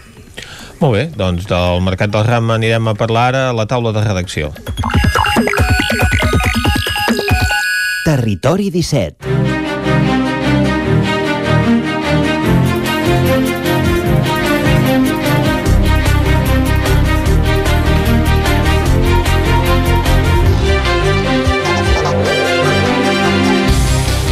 Però, de parlar de com ha anat aquesta edició recuperada del Mercat del Ram després d'un any de pandèmia, nosaltres el que fem precisament és referir-nos a això, a la situació sanitària, i anem a parlar amb la Txell Vilamala, que ens explicarà com està el procés de vacunació a la comarca d'Osona, on un 10% dels habitants ha rebut ja almenys la primera dosi del vaccí. Oi que és així? Txell, bon dia. Hola, Vicenç, bon dia. És un 9%, però vaja, quasi, gairebé, gairebé és el mateix. Eh? Això equival a 14.000 persones d'Osona que com a mínim han rebut la primera dosi de la vacuna Mhm. i sigui de la fórmula de Pfizer, la de Moderna o bé la d'Oxford AstraZeneca. Uh, és una dada que està molt en sintonia amb les del conjunt de Catalunya. De fet, avui són diversos diaris. Uh, cito ara i el punt avui, però n'hi ha algun més uh, que també obren el mateix titular uh, de fer una mica de valoració de com avança aquesta campanya de vacunació. Una campanya de vacunació més que aquest mes d'abril, uh, avui uh, som 29 de març, uh, queda poquíssim per entrar a l'abril i és a l'abril quan en teoria Salut vol començar a vacunar la població en general, és a dir, fer la vacunació massiva. Uh, la setmana passada hi va haver una roda de premsa per explicar com es farà això. En el cas de Zona 99 ja havíem anat avançant que la voluntat és mirar de concentrar-ho al recinte firal del sucre de Vic, on ara ja s'està administrant la fórmula d'AstraZeneca als col·lectius essencials, però eh, puntualment és, és veritat que el gran centre de vacunació que la comarca serà aquest, es cridarà la gent a anar al sucre, però puntualment ens expliquen des de la regió sanitària Catalunya Central eh, que també es podria activar als centres d'atenció primària de Prats de Lluçanès, Torelló, Manlleu, Roda, Vic Nord i Tona. Per tant, eh, d'una banda tindrem aquest punt intermig, que és el sucre de Vic, que és un dels 46 punts intermitjos que hi ha previstos arreu de Catalunya. Eh, per situar molt ràpid els oients, aquesta vacunació massiva es farà a tres nivells. D'una banda, a través dels CAPs, amb, amb 400, més de 400 punts arreu de Catalunya. Eh, en segona línia, amb aquests centres intermitjos que poden acollir força gent en un sol matí o una sola tarda, i en última instància es preveu activar sis grans espais, eh, la majoria són a l'àrea metropolitana de Barcelona, i llavors n'hi ha també una Lleida, una Girona eh, i una al Camp de Tarragona eh, que serviran eh, per fer vacunacions encara més massives, no? És això que hem sentit dir de eh, el recinte firal de l'Hospitalet o, per exemple, també que es planteja fer servir el, ca el Camp Nou. En el cas d'Osona, per tant, no hi haurà cap centre tan, tan gran, no seran d'aquestes característiques, però sí que es continuarà fent servir el sucre. Uh, això, uh, com, com bé ha anat dient la consellera de Salut i també el doctor Argimon en totes les rodes de premsa que s'han fet, uh, l'objectiu d'aquesta vacunació massiva és que puguem arribar, ara ja no a principis d'estiu, sinó al setembre, uh, tenint el 70% de la població catalana uh, immunitzada, que ja se li hagin pogut posar les dues dosis de, de la vacuna.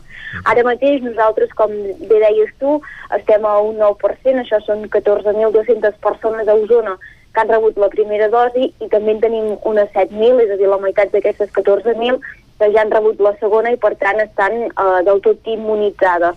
Aquesta setmana, en el nostre cas, es manté la vacunació amb Pfizer-BioNTech, que ja sabeu que és la fórmula que s'està administrant a les persones de més de 80 anys i les que són considerades grans dependents. També continuarem vacunant amb Moderna, això ho fan el Consorci Hospitalari de Vic exclusivament, i llavors també aquesta setmana, en el nostre cas, es manté la vacunació amb Oxford AstraZeneca. És a dir, que tothom que ja tenia cita arranjada uh, per anar al sucre i posar-se aquesta vacuna d'AstraZeneca, uh, des de la Regió Sanitària Catalunya Central, insisteixen que es faci que malgrat aquest retard que ja avui havien d'arribar 148.000 dosis a Catalunya, que ja sabeu uh, que es va anunciar la setmana passada que no arribaran, això ens expliquen que el posaran en redit la vacunació a partir de dilluns que ve, però que aquesta setmana encara està garantida perquè les dosis que ja havien arribat en setmanes anteriors doncs és les que hi havia concertades uh, per aquests quatre dies abans de, de Setmana Santa. Llavors, l'incògnita és a partir de dilluns que ve, a partir això d'aquesta primera setmana d'abril, si es podrà continuar vacunant amb AstraZeneca o si haurem d'esperar com a mínim uns quants dies a que arribin les dosis uh, que havien de fer-ho avui. Per tant, uh -huh. el missatge és aquesta setmana es continua vacunant amb normalitat a la comarca, a partir de la setmana que ve es manté la vacunació amb Pfizer i Moderna i caldrà veure hi ha uns dies d'aturada temporal a l'espera que arribin aquestes dosis d'AstraZeneca. Això arriba en un moment en què uh, Osona ho han dit moltes vegades, també aquí al territori 17, ha passat força mesos amb les dades estancades, uh, sempre tenim un risc de rebrot al voltant de 500 punts, puja una mica, torna a baixar, uh, però des del novembre que no acabem de fer net no anem endavant ni endarrere, si em permet uh -huh. l'expressió. Uh, aquest diumenge les dades estaven una mica millor, el risc de rebrot tornava a estar això, a 500 però a la part baixa i la taxa de propagació del virus també anava una mica més cap avall, passa que hi ha alguns municipis que preocupen especialment, no? sobretot, ja sabeu, Centelles, uh -huh. el 9-9 informava divendres uh, d'un brot que afecta algun centre educatiu i que com a mínim ha afectat 150 persones, algunes de joves, uh, i també uh, preocupen una mica ara mateix les dades d'altres pobles, com podrien ser Prats de Lluçanès uh, i Santa Eugènia de Berga. Per tant, uh, és aquesta situació de calma tensa que nosaltres tenim això des de fa 5 mesos que estem una mica a l'expectativa de veure si es notarà aquesta quarta onada o si ens passarà com la tercera, que com que ja veníem d'una incidència tan alta, uh, llavors tampoc vam veure que fes una pujada i tornés a baixar. Els hospitals uh, dimecres passat van posar una mica el nombre d'ingressats, ara en tenim 17 més que la setmana passada, uh, superem els, els 60, uh, veurem, veurem aquesta setmana com va i sobretot després de Setmana Santa eh, doncs si es nota aquest impacte no de, de les vacances. Uh -huh. Doncs, eh, Txell, haurà d'espavilar i molt el Departament de Salut si vol eh, complir amb aquestes previsions que ha anunciat de vaccinació de la població en general ja a partir d'aquest procés doncs, de vacunació massiva a tota la població un cop s'hagin acabat doncs, d'atendre els grups de més risc. Moltes gràcies. Gràcies, Vicenç. Bon dia. Bon dia. Nosaltres ara anem a parlar, com us dèiem, del mercat del RAM, d'aquesta edició recuperada, si ve una edició de mínims, amb control doncs, d'aforament. Ens en parla l'Isaac Moreno. Isaac. Hola, bon dia de nou. Bon dia de nou. Doncs sí, una edició de mínims, no, evidentment no hi havia les grans exposicions de maquinària agrícola ni l'automoció, eh, el, el, el, ara no dic, surt el creducte Junyent, Exacte. no hi havia activitat al passeig. No hi havia tractors o n'hi havia molt pocs, un parell o tres a la casa de pagès, no un de cara, un tractor, una cosetxadora i poca cosa més. Correcte. No hi havia tota aquesta exposició, però sí que hi havia fira amb dos punts mm -hmm. concrets, el recinte final del Sucre, convertit, com deies, en aquesta casa de pagès, vindria a ser un pessebre, no?, on tu feies un, un recorregut, diguéssim, per, per l'entorn rural, per l'entorn de la casa de pagès, guiat, per exemple, per l'humorista Galdric Plana en una part, on hi havia uh -huh. eines del canvi històriques, llavors passaves la part de, de la granja, on hi havia els animals hi havia també una part d'un hort i, i el graner i on s'hi havia d'acudir amb, amb cita prèvia i amb mesures de, de, de seguretat per evitar el contagi, hi havia un, un, una entrada doncs, amb, amb tot de tanques on abans havies d'acreditar diguéssim que ja tenies la cita prèvia, etc i feies a, aquest recorregut. Aquest ha estat un espai tot i, i llavors hi ha hagut un segon espai que és aquí a l'entorn del Parc Balmes, el que s'ha anomenat el Gastroart, diguéssim que ha set eh, l'aposta d'aquest any del mercat, diguéssim, ja ha estat el, una mica el, el descobriment, no? perquè uh -huh. s'hi ha vist vida els tres dies de mercat, tant divendres a la tarda com dissabte com, com diumenge, hi havia a l'entorn d'unes 60 parades de gastronomia i alimentació, uh -huh. eh, posades capicuades, per entendre'ns, posàvem una, fi, una filera d'estants i un eh, i estan posats alternats, no? Un donava Exacte. la cara cap a una banda i l'altre mm -hmm. donava la cara, al costat donava la cara cap a, cap a l'altre, no? I així, mm -hmm. doncs, evitaves les, les aglomeracions als entorns de, dels estants.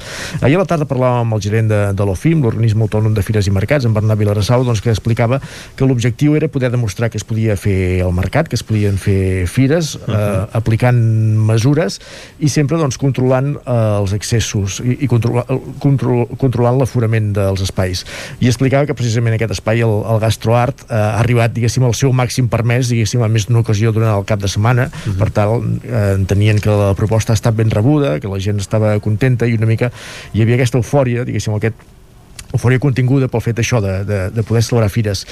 De fet, el Mercat del Ram s'entén que és la primera gran fira eh, de ciutat de Catalunya que s'ha pogut fer després de la, del confinament, després d'un de, any de pandèmia. I això també ho va voler destacar dissabte en, la, en el recorregut institucional el conseller d'Empresa i Coneixement Ramon Tremosa que acompanyava la presidenta del Parlament Laura Borràs al capdavant de, de l'elenc d'autoritats que hi havia en aquest seguici institucional. Uh -huh eh, un seguici institucional que va fer el recorregut per aquests dos espais que dèiem pel Mercat del Ram, i hi ha hagut un tercer element eh, així destacable, que és també la finestra que s'ha obert a, la cultura popular, que també porten un any tancats als locals, tant geganters com, com castellers, i també amb totes les mesures agudes i per haver els gegants i el bestiari de Vic va poder tornar a ballar dissabte a la tarda un acte que s'ha fet a la plaça Major.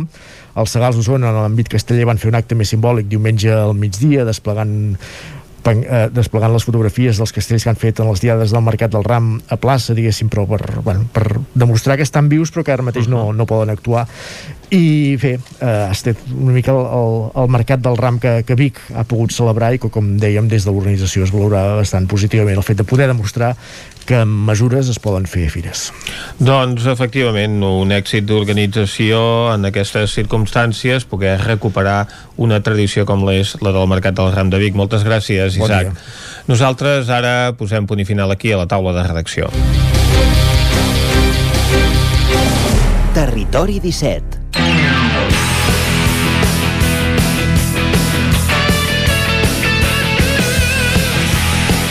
I quan passen 3 minutets i altre 3 quarts d'11 del matí, Vicenç, deixem la taula de redacció i ens centrem a parlar d'esports i repassarem com els ha anat els equips del nostre territori al cap de setmana esportivament parlant. I aquest repàs, Vicenç, per on l'arrenquem? Anem, eh, doncs, cap a Ràdio Cardedeu, on ens espera l'Òscar Muñoz. Bon dia, Òscar.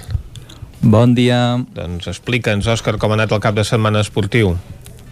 Doncs a Cardedeu no ha anat tan bé com a Granollers, uh mhm. -huh. però comencem aquí, a Cardedeu, on el futbol, teníem futbol i dissabte a, la, a, dissabte a la tarda jugava el filial del Cardedeu contra el Club Atlètic del Vallès i van aconseguir un empat a un amb la, bus amb la busca de la seva primera victòria a la Lliga Tercera Catalana. Mm. Els gols van arribar tard, al minut 78 va arribar el gol dels cardedeuencs, obra de l'Eixac Solà, però just després l'Atlètic de Vallès al minut 80 van fer l'empat.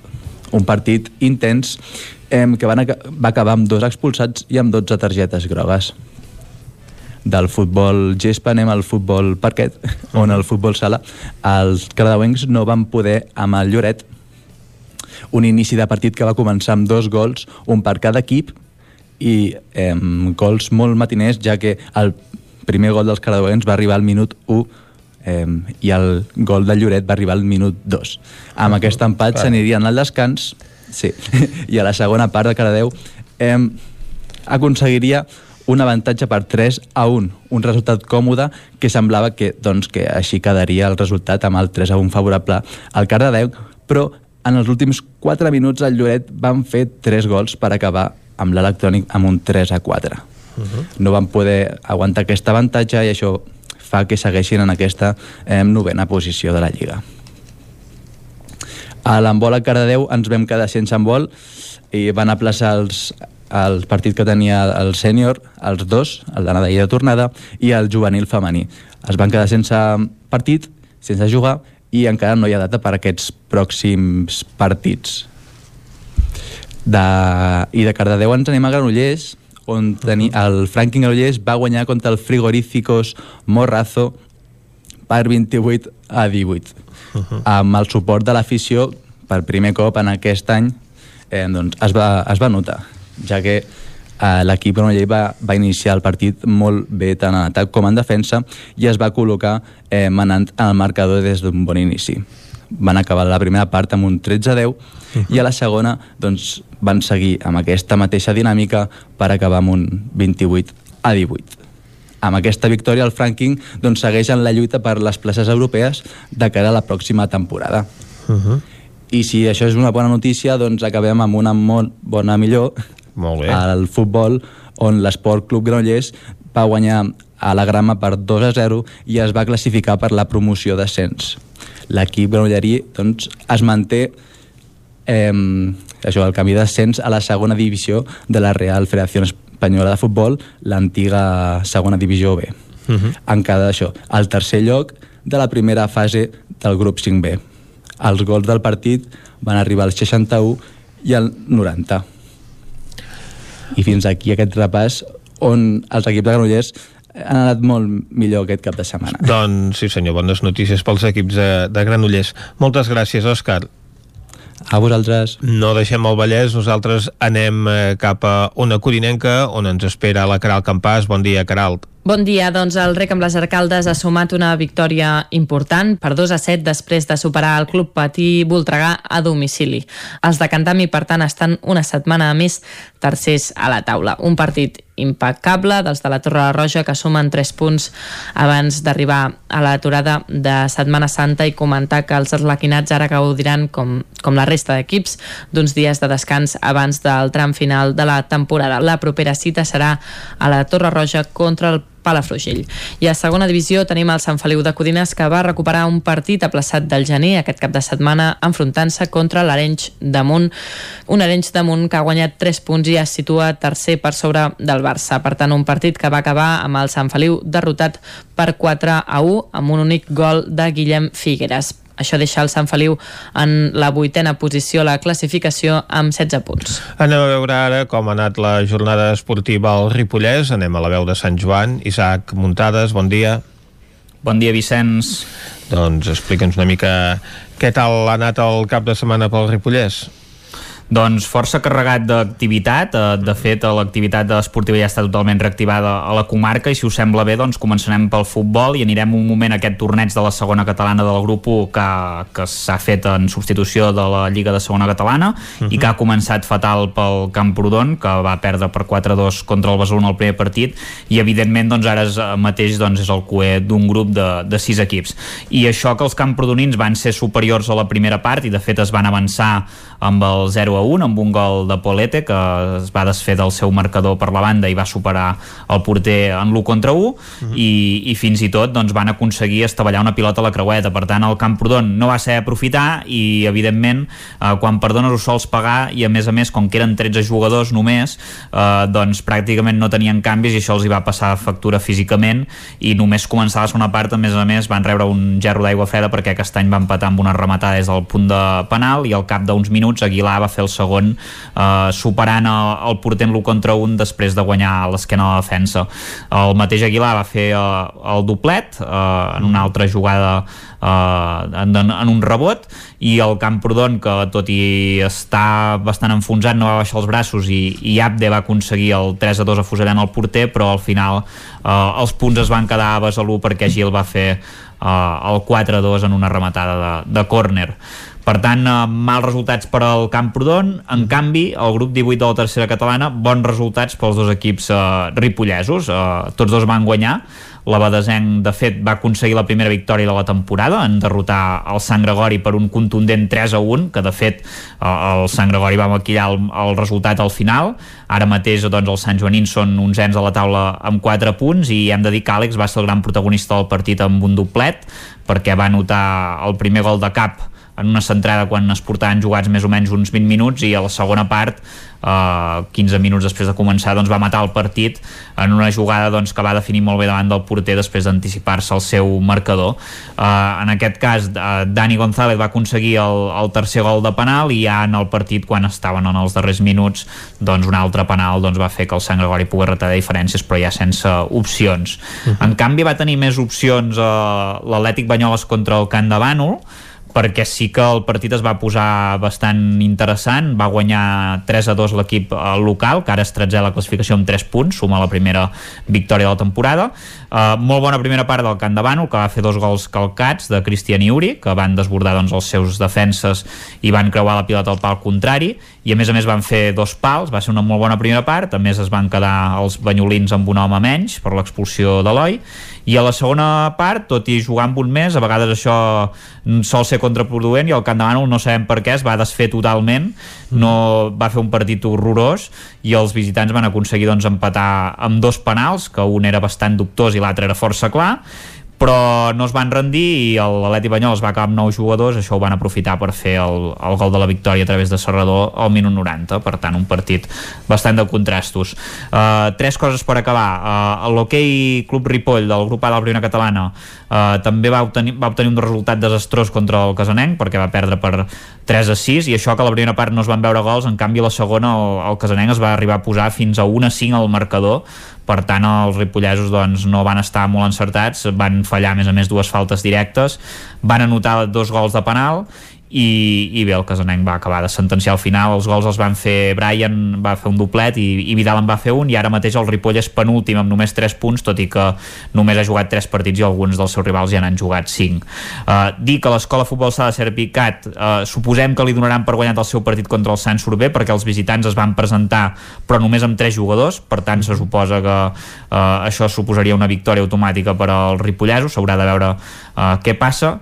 I finalment dir-vos que l'esquiadora ribetana Núria Pau doncs, va ser aquest cap de setmana a Espot campiona d'Espanya d'eslàlom i va re revalidar doncs, el títol que va aconseguir l'any 2019, l'any passat no perquè no es va, va haver-hi competició uh -huh. uh, a Baqueira Baret en un podi que van completar uh, Mirenxo Miguel i Arrieta Rodríguez. Per tant bona notícia per, per l'esquiadora ribetana. Oh i tant que sí, doncs uh, moltes gràcies Isaac, ara nosaltres anem a repassar l'actualitat esportiva de la comarca d'Osona on un partit que hi havia de l'Hockey Lliga aquest cap de setmana doncs resulta que com ja hem parlat abans amb la Caral Campàs que treia faves d'olla, el Caldes va golejar el Voltregà, Esther Rovira. Bon dia, doncs sí, de fet era potser no previsible però, uh -huh. però bé, en tot cas segurament si, si, si hi hagués hagut apostes diverses persones hi haguessin apostat eh, perquè el Caldes doncs, aquest any està fent una gran temporada uh -huh. és tercer classificat per darrere del Barça i el, i el Liceu amb 54 punts mentre que el Voltregà és sisè amb 37 um, hem parlat moltes vegades aquí d'aquesta gran temporada que està fent el, el Voltregà, malgrat doncs, haver uh, canviat tres jugadors. Recordem que aquesta temporada doncs, va, va plegar peces claus com Miordeig, uh, Petxer Mangol, jugadors de referència de, de l'equip, uh, i tot i així l'equip està fent una molt bona temporada, però és que el Caldes l'està fent encara millor i per tant doncs uh, potser, potser, no, potser un 9, un 2 a 7, però en tot cas segurament uh, uh, el resultat doncs, doncs es preveia que podria haver que podria haver estat una, una derrota com, com així va ser, no? Uh, com deies, és l'únic partit usonenc de, de la jornada a l'Hockey Lliga perquè es van ajornar, ajornar el Club Atívic Vendrell i el Taradell Igualada per, uh -huh. per qüestions relacionades amb la Covid-19 uh, tant per, per positius com per persones que doncs, surten d'una quarantena i demanen ajornar els, els partits um, a l'Hockey Lliga Femenina i a l'Hockey Lliga Plata ja no tornen a jugar fins després de, de Setmana Santa no han jugat aquest cap de setmana i, i també hem de dir que el Club Patí Manlleu Màgic Estudio de l'hoquei Lliga Femenina va rebre aquest cap de setmana, justament aprofitant que no tenien jornada, la Copa de la Lliga de la temporada passada, que recordem que va quedar... Un any. sí, que va quedar a mig fer, no? però que tot i així doncs, eren líders destacades uh -huh. i mhm. se les va proclamar campiones de, de Lliga en veure que no es podien doncs, reprendre les, les competicions a causa de la pandèmia. Um, sí que és veritat, és això que deies, no? que fa molt temps, però, sí. però l'equip deia que bé, en tot cas la van guanyar uh, i que encara que hagi fet un any doncs els fa molta il·lusió que s'acabi reconeguent perquè és veritat que l'any passat totes les competicions van quedar molt deslluïdes i tota la feina feta des del setembre fins al març havia quedat en no res. Llavors, no, és que ells ho havien fet molt bé. Molt bé, sí, moment. sí, justament feia molt temps que buscaven fer una temporada com la que sí. van fer i, mm -hmm. i, no, i van quedar sense recompensa, per tant, encara que sí, un any després, doncs bé, ben mm -hmm. rebuda ha estat aquesta, aquesta copa de mans de, del president de la Federació Espanyola de Patinatge, Carmelo, Carmelo Paniagua. En futbol, un altre derbi usonenc. Uh, anem de derbi en derbi, mm -hmm. setmana rere setmana, uh, aquesta vegada era uh, un tona, uh, un micro primer tona, el que es produïa, uh, la setmana que ve hi haurà també un altre nou derbi, que en aquest cas un micro primer, per primera vegada a la història, a primera catalana hi haurà... Això molt. Sí, s'enfrontaran dos bics, uh -huh. um, però bé, en tot cas el d'aquesta setmana, uh, 0 a 3 favorable als tonencs, que, que comencen uh -huh. a demostrar que són uh, doncs, un de, dels equips forts d'aquest subgrup UA de la primera catalana, que van golejar el Vic Riu primer, um, van ser molt efectius de, de cara a porteria, a més a més va mantenir la seva uh, a 0 i per tant això va ser clau per poder-se emportar els, els punts sí que és veritat que bé que són partits en què mm, hi ha molta igualtat, molta motivació i per tant són petits detalls els que acaben fent que un gol entri sí. i l'altre no entri. Però bé, en tot cas, doncs això el Tona que ara mateix se situa segon eh, d'aquest subgrup UA amb 14 punts a dos del Llagostera B que, que, és, el, que és el líder. Um, uh -huh els altres dos conjunts uh, usonencs del grup, el Vic visitava el Palamós, uh, el Degà uh, va empatar a 0 gols en un partit on doncs, potser van mereixer més per, per la feina que van fer de, de cara a porteria, però bé, no van estar encertats els metres finals i per tant no va haver-hi gols. I el Manlleu per la seva banda va fer aigües a, a Bescanó. Um, un conjunt d'errades defensives doncs els van condemnar a perdre per 4 a 0 i ara mateix doncs uh, la classificació queden uh, doncs el Vic com a 4 quart classificat, el Manlleu amb els mateixos punts sisè i el Vic Riu primer eh, és novè amb, amb set. Eh, el Toni ja hem dit que, que està a la part alta de, de la classificació. Eh, també destacar que en el cas de la primera nacional femenina el Vic Riu primer Refo va aconseguir eh, una victòria des del punt de, de penal, va guanyar per 1 a 0 a casa a l'Osca i això les ha situat quartes a la classificació de, del seu grup, per tant molt bona temporada també la que estan fent les biguetanes eh, en aquesta primera nacional femenina de, de futbol.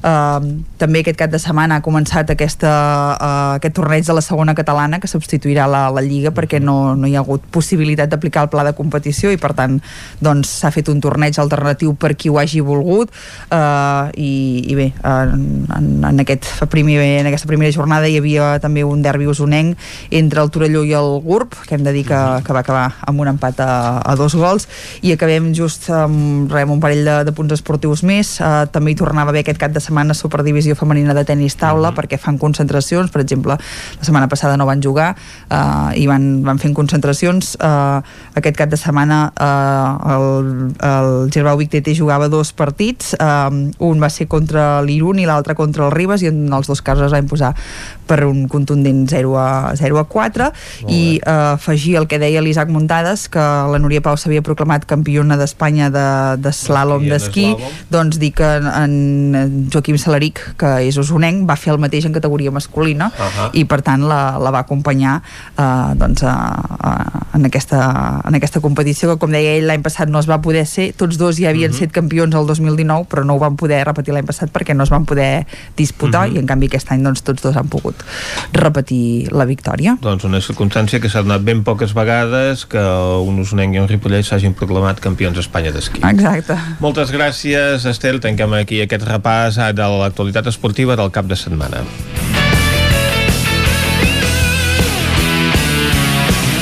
I quan són les 11 i 3 minuts i mig del matí, torna la informació de les nostres comarques, les comarques del Ripollès, Osona, el Moianès i el Vallès, i el Vallès Oriental. Ara sí. Territori 17, amb Vicenç Vigues i Jordi Sunyer.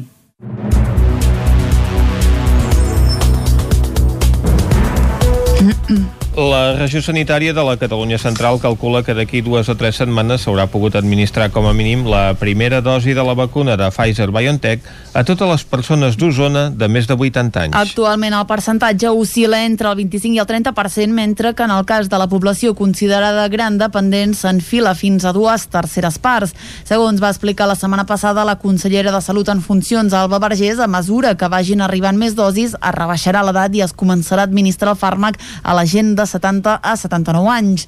Després de rebre el vistiplau de l'Agència Europea del Medicament, aquest dimecres també es va reprendre la campanya amb la fórmula d'AstraZeneca, però finalment no arribaran les 148.000 unitats que havíem d'arribar aquesta setmana a Catalunya. Per tant, el ritme de vacunació es tornarà a l'antic com a mínim fins al dilluns 5 d'abril. Això suposa un nou entrebanc en l'objectiu de la Generalitat de Catalunya d'haver arribat perdoneu, a, Catalu a vacunar el 70% de la població catalana catalana a finals d'estiu. Durant el 2020 es va fer més d'un desnonament a la setmana a Osona. El 31 de març d'aquest mateix any, el govern espanyol va aprovar una llei que dictava la suspensió dels desnonaments de lloguer per famílies que s'havien vist arrossegades per les conseqüències exclusivament econòmiques de la crisi del coronavirus. Aquesta no va ser l'única mesura legislativa que es va dur a terme l'any passat en matèria de desnonaments. El 22 de desembre n'arribava una altra també des del govern espanyol en què es prolongava la suspensió i s'incluïa les famílies vulnerables ja abans de la pandèmia que no disposessin de contracte de lloguer o que estiguessin ocupant pisos de grans tenidors.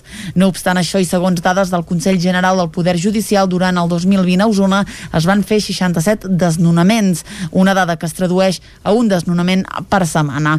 D'aquests 67, 57 van ser per no pagar les quotes de lloguer. Els 10 restants, 7 van ser per impagaments de la hipoteca i 3 per altres qüestions com embargaments per part de l'administració. Des de la Pau Zona, Carme Roquer alerta que aquestes dades poden ser enganyoses perquè hi ha processos judicials que es van acabar adjudicant i d'altres que es van aturar. Amb les dades a la mà, ara totes les mirades estan posades en el 9 de maig, quan hi haurà l'aixecament de l'estat d'alarma. A partir d'aquest dia, segons Roquer, pot haver-hi una onada de desnonaments. La Generalitat ha rebut 5 sol·licituds per fer parcs solars al Vallès Oriental en 98 hectàrees de la Roca, les Franqueses, la Garriga, Cànoves i Samalús, Cardedeu, Llinàs i Sant Antoni de Vilamajor. David Auladell, de Ràdio Televisió i Cardedeu. Enel Green Power vol construir 48 hectàrees de parc solar a Sant Agnès de Malanyanes, a la Roca del Vallès. És el més gran dels 5 parcs projectats que es volen fer al Vallès Oriental. La ponència d'energies renovables, un òrgan col·legiat del Departament de Territori i Sostenibilitat, estudia la viabilitat d'uns projectes que compten amb informes desfavorables dels consistoris afectats, com és el cas de Cardedeu, que ja van avançar fa dies. Els ajuntaments coincideixen en destacar que estan a favor de les energies renovables, però critiquen el fort impacte que suposarien els projectes en el medi rural. L'alcalde de les Franqueses i president del Consell Comarcal del Vallès Oriental, Francesc Colomer, va valorar dijous passat després del Consell d'Alcaldes el projecte previst pel seu municipi defensant les energies renovables però sense menjar-se el territori agrari. Un altre dels projectes es troba entre diversos termes municipals de Cardedeu, Sant Antoni de Vilamajor i Llinars del Vallès. En aquest cas ocuparia 19 hectàrees del que l'Ajuntament de Cardedeu ja ha enviat un informe desfavorable. Més a l'oest, a Cànoves i Samalús, Estavanell Energia ha presentat un projecte per instal·lar 10 hectàrees de parc solar i a la Garriga la mateixa empresa pretén que n'hi hagi 8,5 hectàrees. El nou edifici del Centre de Salut de Sant Feliu de Codines podria entrar en funcionament a finals d'any. Caral Campàs, des d'Ona Codinenca. Així ho ha explicat l'alcaldessa Mercè Serratacó en el ple d'aquest dimecres en resposta a una pregunta del portaveu de primàries Codinàs, Manel Rodríguez. L'alcaldessa ha explicat que segons les darreres reunions amb Salut està previst que les obres acabin al mes de juliol però que l'equipament no podrà ser utilitzat immediatament després d'acabar els treballs ja que s'ha de dotar de material i personal. Escoltem Mercè Serratacó. Si, si em pregunten només les obres, a mi el que m'ha arribat és que s'acabaran si no canvia res no passa res, sobre el juliol. Val? Ara, que el, que el CAP sigui, es pugui obrir, això igual ens anem gairebé a final d'any. Sí, sí, perquè hem de fer concurs pel mobiliari, concurs per les persones que han d'anar-hi a treballar, i tot això ja sap que comporta un, un temps bastant llarg, tenint en compte que hi ha l'estiu pel mig jo crec que si dic que ens anem a novembre no faria, no, no crec que m'equivoqui molt. Les obres del nou edifici situat als jardins del Centre Cívic La Fonteta van començar al març de l'any 2020, la mateixa setmana que es va declarar l'estat d'alarma per la pandèmia de la Covid-19, fet que va fer que s'aturessin durant algunes setmanes. En el ple, el portaveu de primàries ha recordat a l'alcaldessa que fa uns mesos es va aprovar una moció per reordenar i definir els accessos al nou centre de salut. Manel Rodríguez ha apuntat que tenint aquesta data de finals d'any, ara és un bon moment per treballar-hi. L'alcaldessa ha respost que s'hi està començant a treballar en el marc del Pla de Barris i que ja els traslladaran les idees.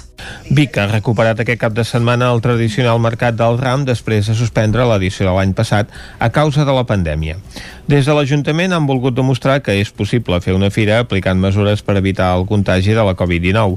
En espais com el Gastroart s'ha arribat a l'aforament màxim permès en més d'un moment. Sense les tradicionals exposicions de maquinària agrícola i automoció, però amb un recinte firal convertit en una casa de pagès que permetia fer un recorregut per les diferents feines del camp. Això en un espai i en l'altre el Parc Balmes al Gastroart, una mostra de gastronomia i artesania que ha permès reprendre l'activitat alguns firaires encara que només sigui per un cap de setmana. N'escoltem a un que venia d'Igualada. El tema del Covid ens ha fet mal, és la primera fira que fem durant d'aquest any i això, ostres, nosaltres acostumats a que vivim d'això, menys mal dels clients que tenim assidus que ens coneixen i ens demanen coses Vic ha celebrat aquest cap de setmana el Mercat del Ram amb circuits senyalitzats i cita prèvia al recinte firal. L'objectiu era recuperar una fira emblemàtica i demostrar que és possible fer-la aplicant mesures, tal com explicava aquest diumenge a la tarda el gerent de l'organisme autònom de Fires i Mercats, Bernat Vilarassau i ara justament és un moment que està en el seu aforament previst eh, màxim, diguéssim, que ja garanteix totes les, les, la, les distàncies i això, i veiem que no està molt ple perquè era l'objectiu buscat, poder fer una fira que en tot moment hi hagin mesures de seguretat que garanteixin que no hi ha un risc de contagi. El Mercat del Ram també ha permès obrir una finestra a la cultura popular amb una ballada de gegants i bestiari dissabte a la tarda. I fins aquí el butlletí informatiu de les 11 del matí que us hem ofert amb les veus de Vicenç Vigues, Clàudia Dinarès, David Auladell, Caral Campàs i Isaac Muntades. Ara farem una molt breu pausa de red mig minutet i ens capbussarem de seguida amb els solidaris amb Eloi Puigferrer. Territori 17. Envia'ns les teves notes de veu per WhatsApp al 646 079 023. 646 079 023. WhatsApp Territori 17.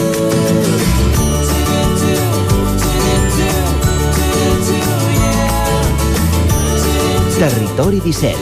Som a Facebook, Twitter i Instagram amb l'usuari Territori 17.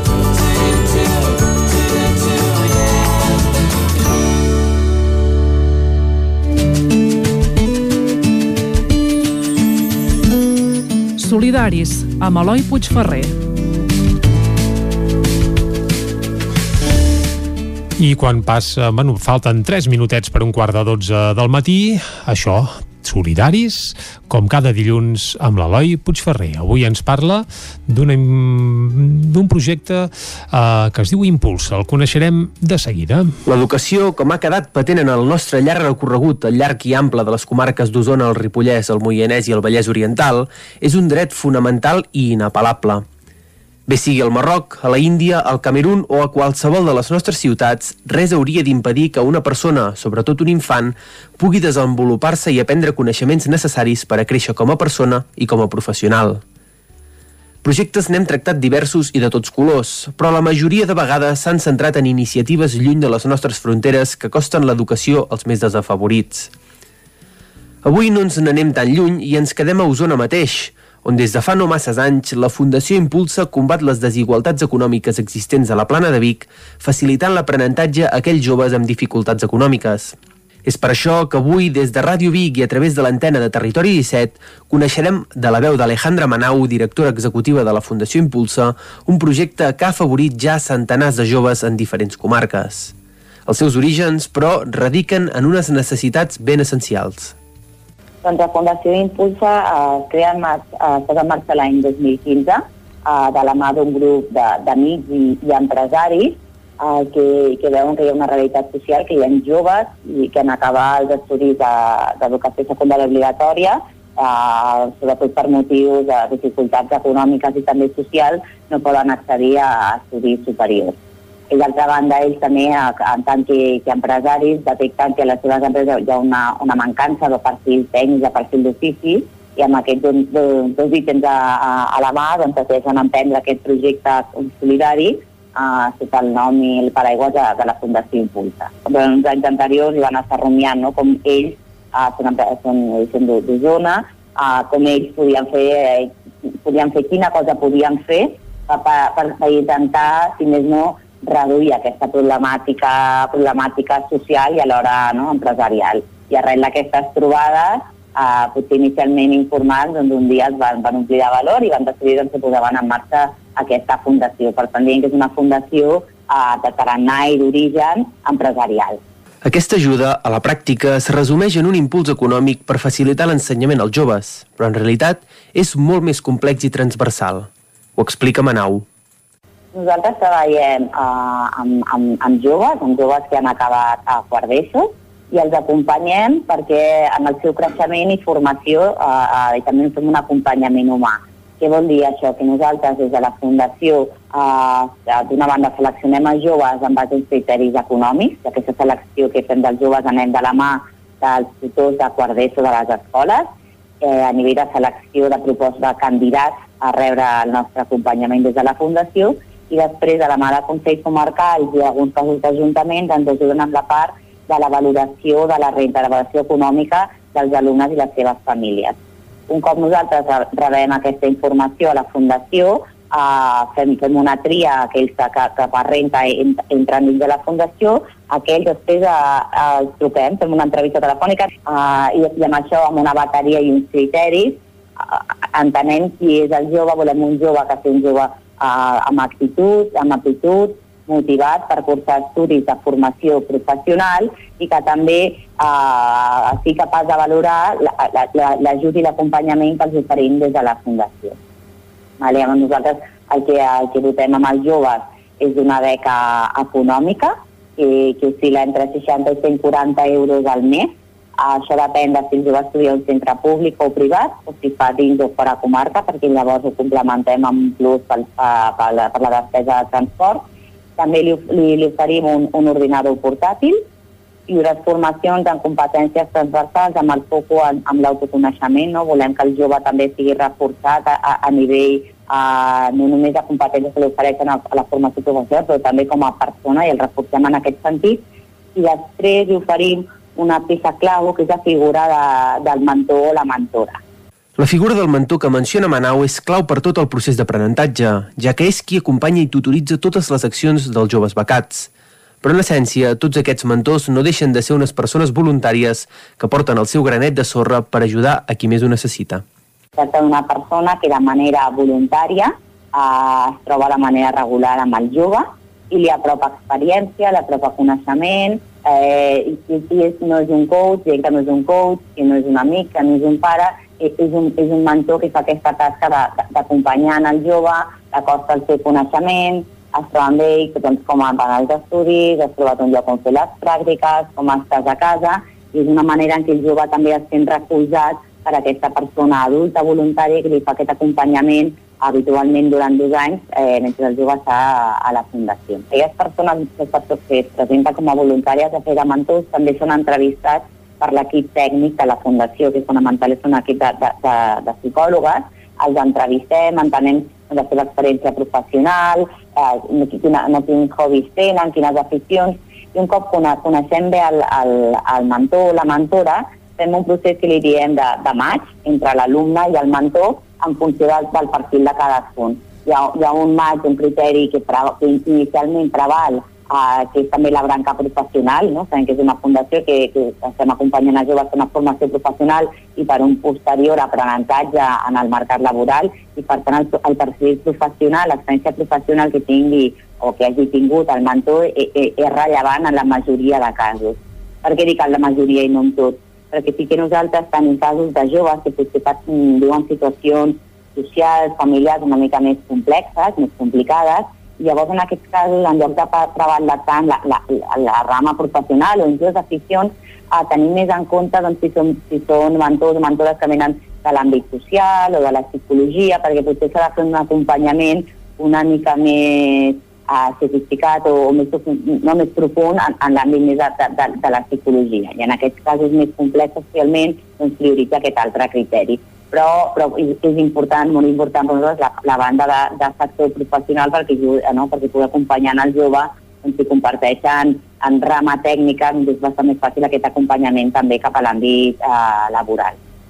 Però els requisits que se'ls demana als mentors no són precisament senzills, ja que per davant de tot s'ha d'assegurar la predisposició i les ganes d'acompanyar i ajudar un jove a créixer com a persona. Els, els mentors, eh, els mentors eh, bà- bàsicament és que, que, que, tinguin, que, no, que tinguin ganes d'acompanyar aquest jove. Ens esforcem molt a fer entendre bé el, el, el projecte a la Fundació, eh, perquè és un projecte d'acompanyament i d'apoderament dels joves, no, no, és un projecte no- només de caire assistencialista, sinó que volem anar més enllà i ens esforcem molt en ser capaços de detectar que, que, que el mentor també ens pot acompanyar en aquest, en aquest projecte, no? que no és, no és un ajut només, sinó que és apoderar el jove, donar-lo confiança en ell mateix, donar-lo eines perquè pugui tirar endavant. I després un criteri potser molt, molt pragmàtic, però també és assegurar-nos que el mentor o la mentora tinguin disponibilitat horària uh, per trobar-se amb el mentor, per també realitzar les formacions. Nosaltres els oferim unes formacions durant, durant l'any, que tinguin disponibilitat per assistir a aquestes formacions, que són capdalt per poder gestionar bé la relació de mentoria i també tenir una estoneta perquè ens donin uh, feedback un cop s'han trobat amb el, amb el seu mentorat. Tenim, no, tenim un sistema informàtic que ens permet doncs, que ells, un cop s'han trobat amb el seu mentorat, ens expliquin com ha anat la trobada i nosaltres de la Fundació, l'equip de psicòlogs, poder-ne fer el, el seguiment. No? Però els requisits no són només per als mentors, sinó que, evidentment, també se'ls demana als becats per poder optar a participar en el projecte. Però aquests requisits no són només monetaris. Hi ha criteri de renta, no? hi ha criteri de motivació i bàsicament és això? I, i que després veiem que hi hagi la flexibilitat que, que realment el jove que el mes de juny-juliol acabem, acabem dient doncs tu rebràs la beca pels estudis que hagi triat sigui, hi hagi una mínima factibilitat de que acabi podent matricular-se al setembre. Explico perquè depèn quins estudis o on els triï o si és un estudi molt demandat i no té una nota especialment elevada és possible que, que no, que no l'acabi sent acceptat i per tant, encara que nosaltres al juny ja, ja haguem dit d'acord, et donarem la beca a partir del setembre, que són els estudis, i ell no s'acaba podent matri- matricular al centre i malauradament no troba un plan B, doncs veiem que ens queda una, una plaça que haguéssim pogut cobrir potser amb un altre candidat que no, que no, que no hagués pogut accedir eh, i no n'hem fet prou profit. No? I, I també ens esforcem a veure doncs, que aquest criteri, que, que sigui factible, que on s'apunti, realment després eh, pugui acabar matriculant. Que deies que nosaltres també vetllem molt perquè siguin joves eh, que tinguin, que, que, també com una mica t'explicàvem els mentors abans, no? que prenguin consciència del que suposa estar a la Fundació, que sí que és cert que nosaltres no, els donem el que et deia un, un, una aportació econòmica mensual i uns ordinadors, però també requereix un compromís amb la Fundació. A banda de les, ha d'assistir a les formacions que també donem als alumnes durant, durant l'any, amb aquests temes d'autoconeixement, també assistència en formacions ara eh, vinculades amb enfoc al mercat laboral, que assisteixin en aquestes formacions, que es trobin amb el mentor, doncs hem de poder detectar que ells tenen uh, ganes, de, no una implicació també de temps, que tenen ganes i que entenen el valor que la Fundació els hi pot, els hi pot donar. I alhora també els, uh, no els hi saber i valorem que siguin conscients que ells també adquireixen uns compromisos, uh, per exemple, amb ells, a banda de complir amb aprovar les assignatures, aquestes trobades amb el mentor i assistència les formacions, un, un molt important és que nosaltres demanem que cada any els joves hagin 25 hores de voluntariat a una entitat social del, de, que ells triïn del, del, del territori. Tot i la bona feina feta per la Fundació Impulsa, la Covid-19 ha accentuat encara més aquestes desigualtats, i això s'ha notat amb un increment de la demanda. Però tot i això, la Fundació no tanca la porta a seguir creixent i ajudar a més i més gent. Hi ha hagut, en, en, ara just, justament ara, a la Fundació es troba en un procés que hem, que hem rebut la sol·licitud de nous joves, per tant de joves que al setembre d'aquest any 2021 començaran un primer de grau únic, un cicle de formació professional. Hem rebut un increment de- d'aquestes demandes de- d'acompanyament de la Fundació i a més també, que això no us he comentat abans, també nosaltres anem creixent a nivell territorial. I això vol dir que hi ha, la, hi ha un increment dels territoris satisfats que deia que ja estem presents, a, a, a Osona, a Garrotxa, a Berguedà i a Moianès, i a més de cara al curs vinent també anirem a, al Bages, anirem a Baix Empordà i als municipis de Terrassa i de Sabadell. Per tant, hem tingut un creixement d'on ja hi som i a més també més els nous alumnes que ens entren d'aquests nous territoris. Com a tot arreu, el finançament no cau del cel, però la Fundació Impulsa gaudeixen d'una bona salut econòmica. Malgrat tot, sempre fa falta algun cop de mà. Mira, la Fundació Impulsa fins, a, fins a aquest any vivia 100% de finançament que, que rebíem d'empreses de, de, i fundacions majoritàriament vinculades al territori o en el 95% dels casos vinculades específicament amb el territori on, on estem acompanyant a joves. I és cert que en aquest, des, de, des de finals de, de, de l'any 2020 i ara hem començat també a intentar diversificar, incrementar aquesta base d'empresa, uh, intentem fer-ho millor, intentem rendir comptes, fidelitzar-les, però també estem optant a subvencions públiques, ja sigui doncs, de la Diputació de Barcelona, de la Generalitat o d'ajuntaments o d'ajuntaments que, que, on tenim joves, uh, són ajuntaments que també alguns ens ajuden a finançar uh, aquest acompanyament nosaltres a nivell, a nivell de finançament és, és anar ampliant la xarxa d'empreses que avui col·laboren amb la Fundació, anar a cada territori on som, que siguin més empreses que assumin el projecte, això, això evidentment seria òptim. El nostre projecte té sentit en tant que estem arrelats a territori, per la part de fit empresarial, en el cas que, que pertoca ara, no? perquè parlem de finançament, però també amb entitats socials, amb administració públiques, hem d'estar arrelats, si no el nostre projecte no té gaire sentit, i tam, llavors a nivell de finançament nosaltres el que procurem és que a, a, a mica en mica els territoris on hi som presents eh, diguem que siguin auto, autosostenibles, no? que, que gràcies al finançament eh, que saquem tant de públic, que és poquet a dia, a dia d'avui, seguirà sempre poc, i especialment de teixit empresarial, eh, puguem fer front a les despeses vinculades amb els joves que acompanyem a cada territori. A poc a poc i amb bona lletra, la Fundació Impulsa va fent-se un lloc en el panorama solidari de totes les comarques on actua fent la vida més fàcil a moltes persones. I és que, malgrat que el seu teixit social és relativament recent, la labor que aconsegueixen fer cada any ja els converteix en una institució més que necessària, fonamental en el context social actual.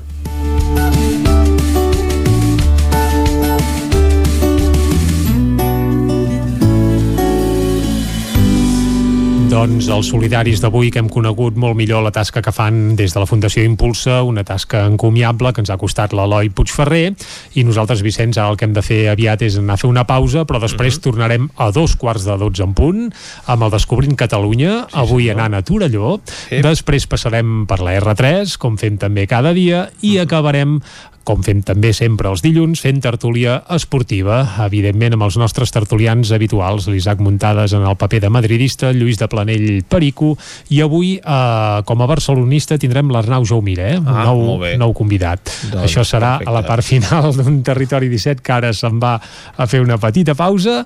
Tornem, això, a dos quarts en punt, aquí. No ens deixeu. Fins ara mateix. Seguim. El nou FM, la ràdio de casa, al 92.8. Vine a Autoscola Montseny i t'informarem de les nostres ofertes. Permís de moto 16 anys amb 4 pràctiques des de 399 euros. Permís de moto 18 anys amb 4 pràctiques des de 425 euros. Permís de cotxe amb 10 pràctiques des de 460 euros. I si vens amb un amic, et regalem una pràctica. Per més informació, Autoscola Montseny, a la Rambla de Vallades 13, primer segona de Vic, al telèfon 93 885 45 88 i també a Facebook i Instagram. Pintures Xevi Soler. Tot en pintures. Façanes, obra nova, rehabilitacions interiors de vivenda, estucs, microciments, pintura industrial, motllures, terres vinílics... Pintures Xevi Soler. Ens agrada assessorar-vos i fer de casa vostra el millor lloc del món. Ens trobareu a Manlleu, al carrer Sogorb 113, telèfon 616 1587 33 o 93 851 3504. Cocodril Club. Si t'agrada la bona música dels anys 60, 70 i 80, escolta el 9 FM als matins de dissabtes i diumenges d'11 a 1.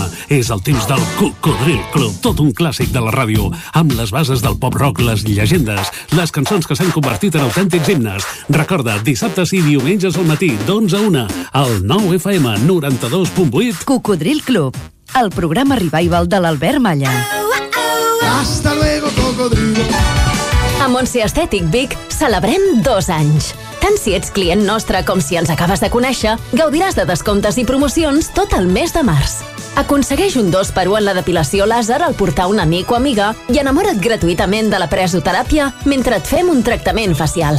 Cuida't més que mai. Ara amb el 20% de descompte en tots els productes. Vine a Montse Estètic i mima't. Ens trobaràs a l'Avinguda Pius 12, número 26 de Vic. Al telèfon 672 1704 23 i a la web montsestètic.com.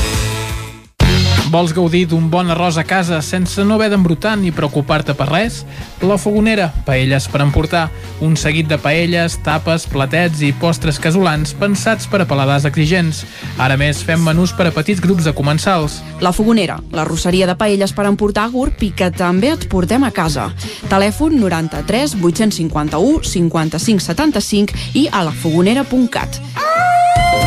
I quan cau la nit, Pupurri Culinari, solucions per sopar les nits de divendres i dissabte. Entra a pupurriculinari.cat i tria.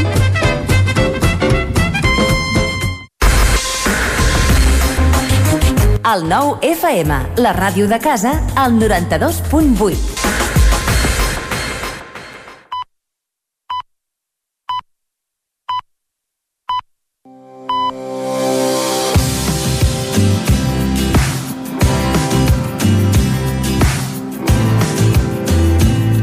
Taradell es troba tocada al Montseny, la plana de Vic i les Guilleries, a la comarca d'Osona.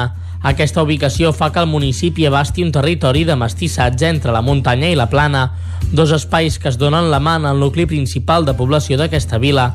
Taradell és un municipi que facilita, mitjançant una desena de xarxa de camins, senders i corriols, l'activitat esportiva i el lleure, amb especial incidència en caminades i excursions a indrets de notable interès cultural i paisatgístic. Taradell va néixer com la majoria de poblacions de la Catalunya Vella entorn de l'església romànica de Sant Genís. La Sagrera era un terreny sagrat situat a l'entorn de l'església i comprenia una faixa de sol de 30 passes d'amplada a tot el seu perímetre. Les primeres edificacions documentades eren sagrers, petites construccions on s'hi guardaven les collites de les masies per evitar que fossin robades.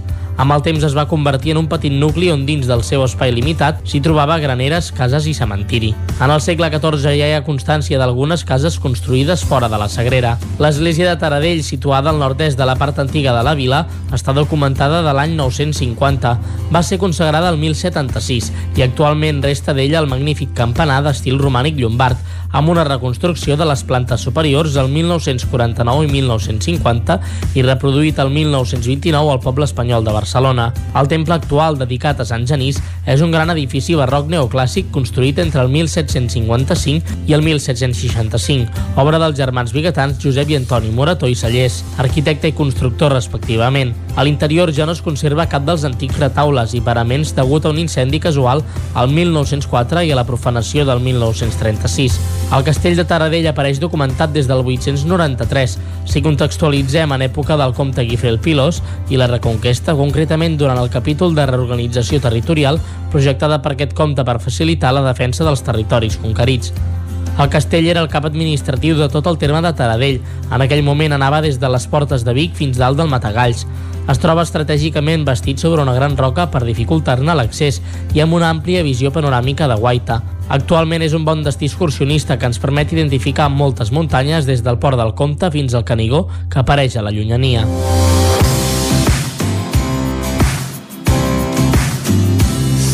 Doncs no hem anat a Torelló com havíem mm -hmm. anunciat prèviament, sinó que on hem anat és a Taradell, que bé almenys comparteix la primera lletra uh, i també comarca, però bé, algun dia anirem a Torelló, eh? I també passa la R3 per Taradell. També, exacte, no ben bé pel nucli, però pel terme municipal, sí. Tot i que ara no hi pari, no? perquè abans mm, doncs, hi havia una parada al a nucli de Montrodon, que correcte. va quedar anul·lada, Uh -huh. però bé, en tot cas sí que passa la R3 per Taradell, que Perquè Montrodon és terme municipal de, De Taradell. Taradell. Molt bé. Va, fet aquest, uh, aquesta mica de pedagogia geogràfica, us unem que anem ara sí cap a la R3. A Trenc d'Alba, edició pandèmia. Ara sense els usuaris que ens explicaven les seves desgràcies a la R3, però amb els mateixos retards i problemes de sempre. Benvinguts a Tren d'Alba. 16 hores. És el que equival a dues jornades laborals seguides. Doncs aquest és el temps que va estar tallada la circulació de trens a la línia de tren R3 entre les estacions de Vic i Centelles aquest cap de setmana. L'incident, que va començar a dos quarts d'onze de la nit de dissabte, va venir derivat d'una avaria elèctrica al túnel d'entrada a la ciutat de Vic, quan el panetògraf d'un tren va quedar enganxat a la catenària. Els bombers van haver de desplaçar-se fins al lloc dels fets per ajudar a baixar tots els passatgers del comboi. Durant aquesta avaria es va activar un servei d'autobús alternatiu que va motivar les queixes de molts usuaris pels retards. La tuitaire Lil Shakespeare feia broma al Twitter quan el compte de l'R3 anunciava que el tren de l'Hospitalet de Llobregat, que sortia a les dues de la tarda i havia d'arribar a Ripoll a les 4, arribaria amb 65 minuts de demora. Ell es preguntava què seria el pròxim, que anés amb tanta demora que no circulés. Aquesta avaria va provocar que els operaris no poguessin retirar el tren afectat fins a 3 quarts d'11 del matí del diumenge, el moment en què va començar la reparació del sistema elèctric danyat. En fi, ja veieu que ni els caps de setmana que en teoria circulen menys trens i hi ha menys retards. De fet, com en aquest cas, a vegades és pitjor. Va, ens retrobem demà amb més històries del tren i de la R3. Territori 17.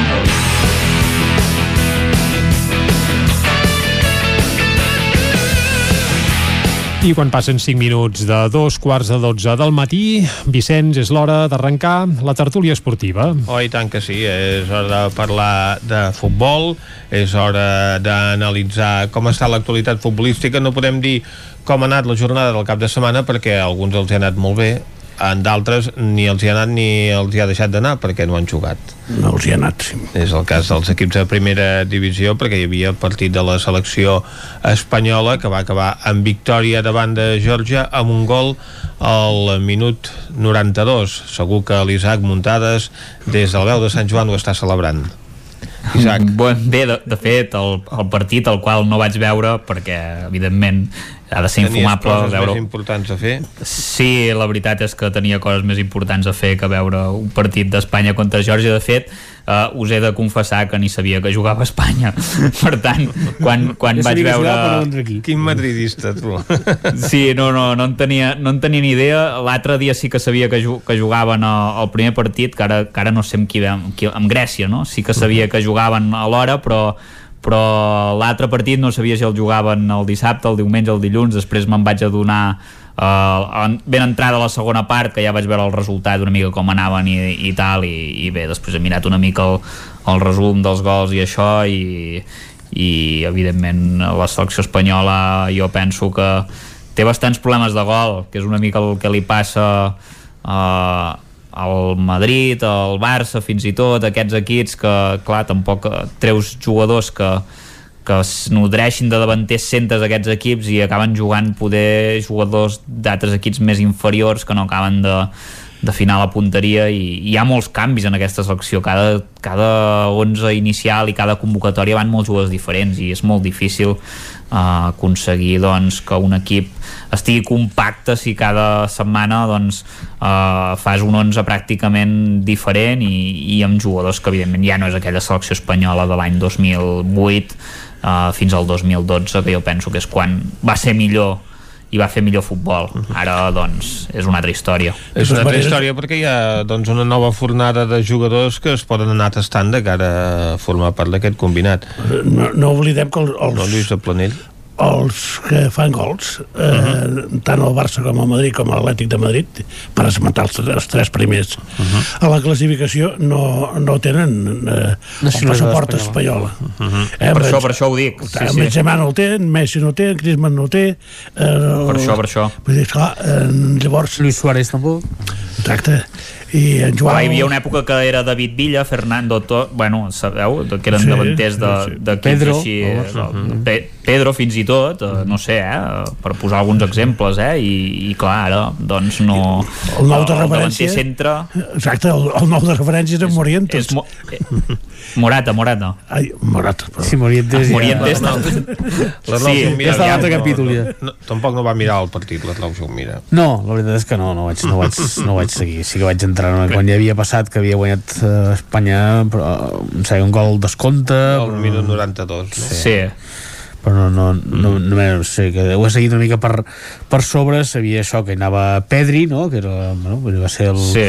la gran novetat eh, eh, respecte al, al Barça, no? d'aquest premi, no? que ja ho havíem comentat també aquí, eh? que, que era un, bueno, un merescut, segurament, perquè doncs, ja és la gran revolució de la, de la temporada a les files del, del Barça, doncs això, molts canvis respecte a seleccions d'anys anteriors, Brian Gil també, eh, eh, bueno, jugadors d'aquests que, que fins ara no han tingut un, tampoc un, un gran nom als seus clubs, però que ara els hi toca estar aquest, davant d'aquest d'aquest projecte del selecció espanyol, la veurem eh? que, quin recorregut té i si Lluís Enrique els hi dona continuïtat o no A mi em- d'ahir el que va, em va impact, impactar relativament, però eh, jo venia amb el cotxe, sortia el Girona, uh -huh. estava perdent eh, 0-1, i llavors diu eh, a la que em baixo tanco el, el cotxe al graig i a la que tanco la ràdio del cotxe eh, ara estarem al mi- en el minut eh, 90 i n'han posat 5 de de, de, Efecte propina. propina. Sí. I llavors vaig pensar, mm. 0-1, que no ni, acost, ni s'acostaven, mm. doncs bueno, ho deixo estar i ja està. I al cap de- de- d'una bona estona em miro el resultat i resulta que en aquells 5 minuts el Girona va fer dos gols. Home, una gran jornada pels equips catalans de segona divisió perquè va guanyar l'Espanyol, va guanyar el Girona i va guanyar el Sabadell que deixa ja la zona de descens Exacte. Sí, sí. I, i el primer que va guanyar eh, és primer de la classificació. Mm -hmm. eh, jo dic perquè... Sí, però, però no ha jugat, no, Mallorca, Lluís, encara. No, juga avui, eh? no? No, Juga no, avui. no, Juga avui, avui, però no? també pot, pot, també pot perdre, eh? vull dir que... Sí, sí, no, no, està clar, eh?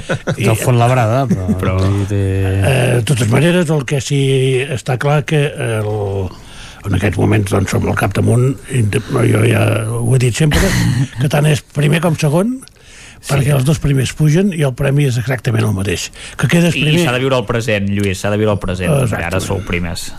i que per això l'important. que, el que va passa que l'Al- l'Almeria va fent el tonto i es va... Bueno, és de moment això, esteu... bueno, més que l'Almeria els àrbitres també Oh, sí. bueno, que, el que va passar Sí, sí, sí. el que va passar en aquell partit va ser increïble en primer lloc a favor de l'Almeria perquè el, el, el jugador expulsat del Leganés mm, Van empatar una, eh, al final. Sí, la, la falta no, no ho era i l'àrbitre va allargar 3 minuts i al minut 94 sorprenentment, mm -hmm. que també és veritat que l'Almeria va, va, va, eh, va marcar en el temps de descompte però al minut 94 l'àrbitre xiula un, un penal que eh, el veu al bar i en aquests del bar en aquells dies aquell dia devia haver begut més del compte perquè no, no el veu ningú aquell penal però bé, a nosaltres ens va anar bé i, el, i el Leganés va empatar un, un resultat que nosaltres era el que buscàvem i els que ens convenia Acaba marcant al minut 99, eh? Imagina't, sí. que n'havia afegit 3 i acaba marcant al minut 99. eh, però també hi va haver molta La tangana, polèmica no? Sí, clar. exactament, la tangana eh, anar-ho a mirar al bar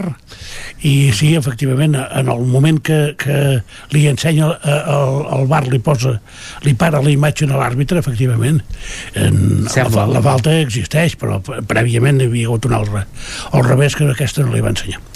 I bé, d'aquelles polèmiques que tenen al món del futbol que si afecta segons quins equips doncs no té transcendència però eh, quan llavors eh, toquen els equips grans sí que, que en té, però bé no, no va passar res Bé, en tot cas n'hi ha hagut per tots, no? sí, sí, sí. i avui juga eh, he vist Gibraltar la selecció de Gibraltar juga a futbol Apassionant. i Andorra també Podran anar sense mascaretes al camp, Gibraltar, que ja estan 70% vacunats. Eh? 80%, efectivament. I, 80, ja, i, i, ja imagina't. la gent doncs, podia sortir. però allà al baix també o, o, els anglesos això No, no. Gibral Gibraltar, A Gibraltar. Gibraltar, a Gibraltar, doncs els, els veïns de Gibraltar ja podien sortir al carrer ahir sense mascareta, perquè hi ha un 80% de, de gent que ja està vaccinada. Que això Són és com, com a Andorra d'habitants No. 34.000, no. em sembla, van Té dir. O... No, jo ho dic perquè, esclar, Sí, sí, Andorra sí. també podrien enllestir amb aquest, eh, sí, des d'aquest punt de vista, no? Nosaltres no, nosaltres ens No, anem és per un punt també més turístic, no? Que hi ha. Sí, segons diu el nou d'avui, i el nou no sol dir mentides, és el, de, el 10% de la població d'Osona. Sí, d'Osona, el 10% fins al 80 Sí. encara ens queda una mica de camí. Queda molt, eh, molt de temps perquè a més a més continua quedant molta gent de més de, de 80 anys doncs, que encara no han rebut cap dosi per tant encara queda, queda molta feina a fer i que es normalitzi la situació però sí que mica en mica podem anar veient gent als estadis, no Lluís? I per tant, això, això. doncs això també ajuda a que es recuperi l'ambient a que es pugui animar els jugadors i a que el partit doncs, de casa compti per alguna, per alguna cosa. Ahir vaig a Palamós i, i efectivament hi havia força gent. Uh -huh. en, en cap moment tens la sensació de, de, de, de, de problema d'estar de, de, massa a prop de la gent. L'única cosa que passa és, és això, que has d'estar molt al tant en el moment de la sortida, perquè en aquell, en aquell instant sí que hi pot haver-hi... Cues. Sí, exactament. I el camp del Palamós, doncs... És gran, clar, és, és el camp del Palamós és gran. Uh, clar, I, i uh, divers, uh, uh, a més amb diferents sortides, vull dir que uh, és difícil que es produeixi. Però no però, tots els camps són així.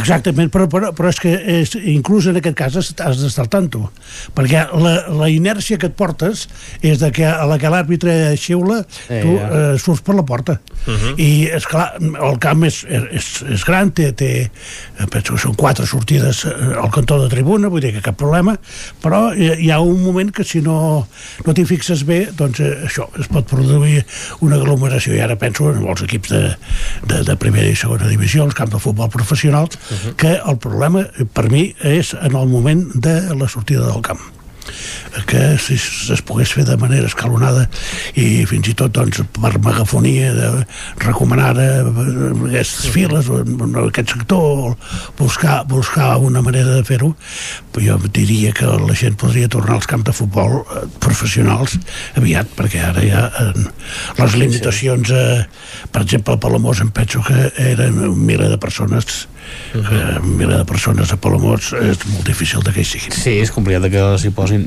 jo ahir de fet vaig seure al Voltregà amb, el, uh -huh. amb l'alcalde, és un altre esport doncs, que ahir el Voltregà era el primer dia que tenia públic a, uh -huh. a casa, en, en aquest cas en un pavelló socis només sí, i jo, jo, crec, jo crec que també ara qui, qui ho pateix una mica més són els àrbits, eh, en aquest sentit. Fins ara han tingut la feina molt fàcil perquè pitaven clar, i, no, clar. i ningú els hi posava pressió. Clar, i... Evidentment la pista del Voltregà sempre ha estat una sí, pista on el... es pressiona molt els àrbits. Clar, i els jugadors es queixaven, però els jugadors saben que, tenen, que si es queixen molt potser doblen targeta. Uh -huh. uh, ara ahir el paper el feia la, la graderia i això es va notar en certs moments de partit. Eh? Jo crec que que és important també en aquest sentit que torni el...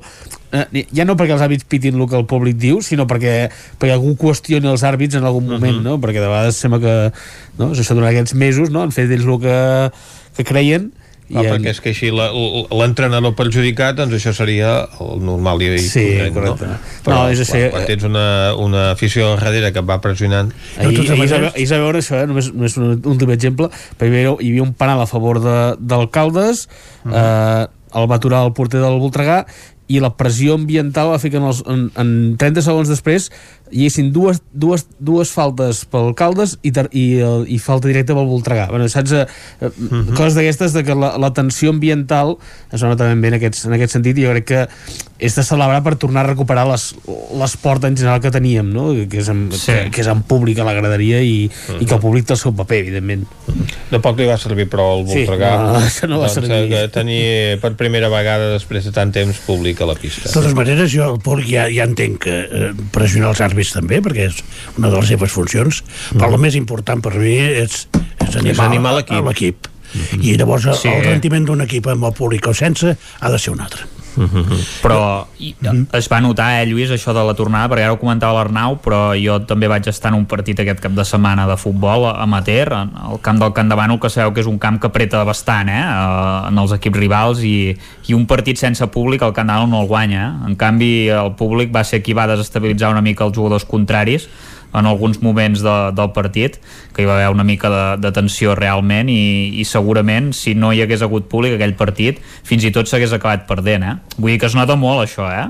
ara que, que hem vist el canvi de tornar a tenir públic es nota moltíssim mm -hmm Això, jo- això jo estic d'acord i, i com estic d'acord, per exemple, com algun partit que, que el Barça ha tingut problemes, per exemple, amb el Cádiz, uh -huh. o el Madrid amb el Cádiz mateix, i mm. eh, amb l'estadi ple, i en aquest cas jugant al Bernabéu a Madrid, cosa que tampoc va passar, però amb l'estadi ple jo no sé si les coses haurien anat d'aquesta manera, perquè el públic no solament anima el, el, el, el seu equip, intimida al contrari i condiciona a vegades els àrbitres. Vull dir que Sí, sí, no, tot plegat, tots, totalment. Tots aquests elements els que influeixen en que el, el públic hi hagi, a, a les grades hi hagi públic o no. Sí, també és una mica un factor psicològic, eh? el, el públic, el, el que exerceix, també s'ha dit molts cops, no? De, li va dir la porta també l'altre dia en el seu discurs d'investidura uh -huh. a Messi, que si, si hagués el camp ple, segurament Messi potser no hauria, no hauria ni enviat el burofax, no? perquè uh -huh. hauria tingut tot el recolzament de la gent, la Clar. pressió contra Bartomeu, que segur que hagués sigut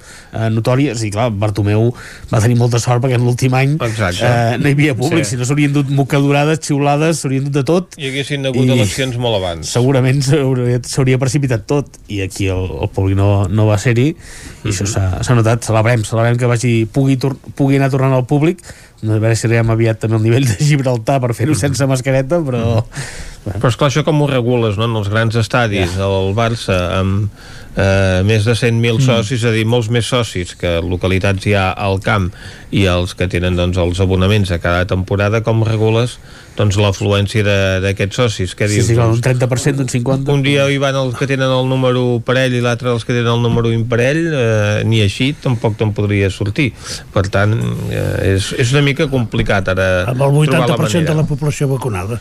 Aquesta és la solució. Clar. Sí. No n'hi no ha d'altra. O sigui, després de l'estiu o a finals de l'any vinent. Exactament. Jo penso, Sí, sí, penso que de cara, si es compleixen les, les previsions que ens diuen i que cada vegada eh, allarguen més, uh -huh. però vull dir que si la Lliga comencés a finals d'agost o principis de setembre, potser et podria eh, tornar al futbol amb una certa normalitat, si això, si hi hagués un 70%, o un 70, un 80% de la població vacunada. Uh -huh. Llavors jo diria que sí que no hi ha d'haver eh, problema. Tebas, però, va dir que ell creia que a finals d'abril podia Sí. començar a entrar públic als estadis eh?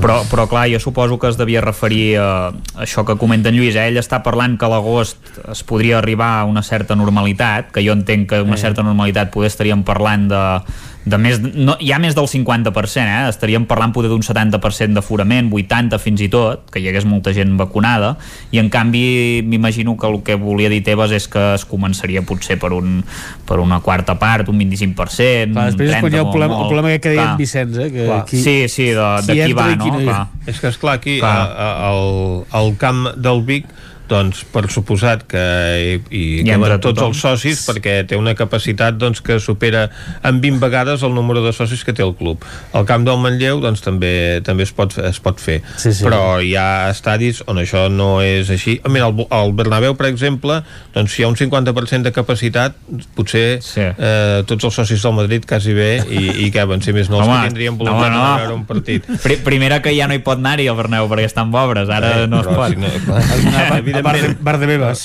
si no estigués amb obres Bar de però, però el Madrid és dels clubs que s'ho podria plantejar aquesta norma però el Barça de cap de les maneres De totes maneres, ja les penyes, per exemple, fan un sorteig uh -huh. per a veure quin partit et toca doncs els clubs que fessin el mateix Sí. o sigui, amb tots els no, més que amb tots els socis, amb tots els abonats Uh -huh. perquè estem parlant d'abonats més que de socis Sí, sí, clar. tothom que té el seu seient al camp uh -huh. doncs eh, eh, tu si tens eh, ja 1, 3, 5, 7 doncs eh, l'1 i el 3 hi poden anar un dia i el 5 i el 7 hi poden anar un altre i llavors és relativament fàcil de fer. Una altra cosa és que llavors el, el, el dia que et toqui doncs el rival sigui atractiu i el dia que no hi pots anar eh, aquest, no sé clar, És com el sorteig de la penya, això, no? Exactament, sí, sí si toca el, el rival que val la pena doncs ostres sí, que estàs content. I si no això de ser de la penya no serveix per res. Uh -huh. vull dir que eh, les coses van una mica així. Però de totes maneres jo encara confio no, eh, en Tebas inclús tam- també va parlar de- d'un 20 o un 30% de capacitat eh, de, de, vull dir que no, uh -huh. també anava eh, Eh, per l'abril volia, uh -huh. també anava eh, més, més suau. Però jo mm, confio això. En agost setembre eh, la, la capacitat del camp sigui, si no del 100% de- d'un percentatge altíssim. Perquè tot i parlar del 20 o el 30%, el problema de, dels accessos hi continua sent la possibilitat que s'acumuli molta gent en determinats eh, moments, tant a l'entrada com sobretot a la, a la sortida. Sí, o a la mitja part, que, que la gent... Sí. Bé, les cues dels lavabos ja són, evidentment, per això, és que, clar, són antològiques. Des de- des d'aquest punt de vista, diguem que, que Cornellà o Prat està més ben preparat, per, Mhm. simplement perquè el camp és modern. clar, sí. eh? Vull dir que des d'aquest punt de vista està, està millor. Mhm. El que passa és que jo veig, eh, o sigui, jo recordo les sortides del camp que eh, hi, ha, hi ha un moment que es produeix un tap, Sí. eh, el, qui, qui té el cotxe aparcat a la Fira de Cornellà doncs eh, va enfilar Índia cap allà, qui el té el cotxe aparcat a l'aparcament de, de l'Esplau també va enfilar Índia cap allà, baixes les escales aquelles eh, electròniques eh, eh, també eh, allà han enxubat i aquestes són les coses més difícils de resoldre. Però bé, una mica I de que a aquella hora sentit no et jugui el Cornellà. Sí, en aquest cas potser eh, Tampoc te podeu tenir en públic alguna manera. Sí, anava a dir la massa social a Cornellà, no sé si és molt...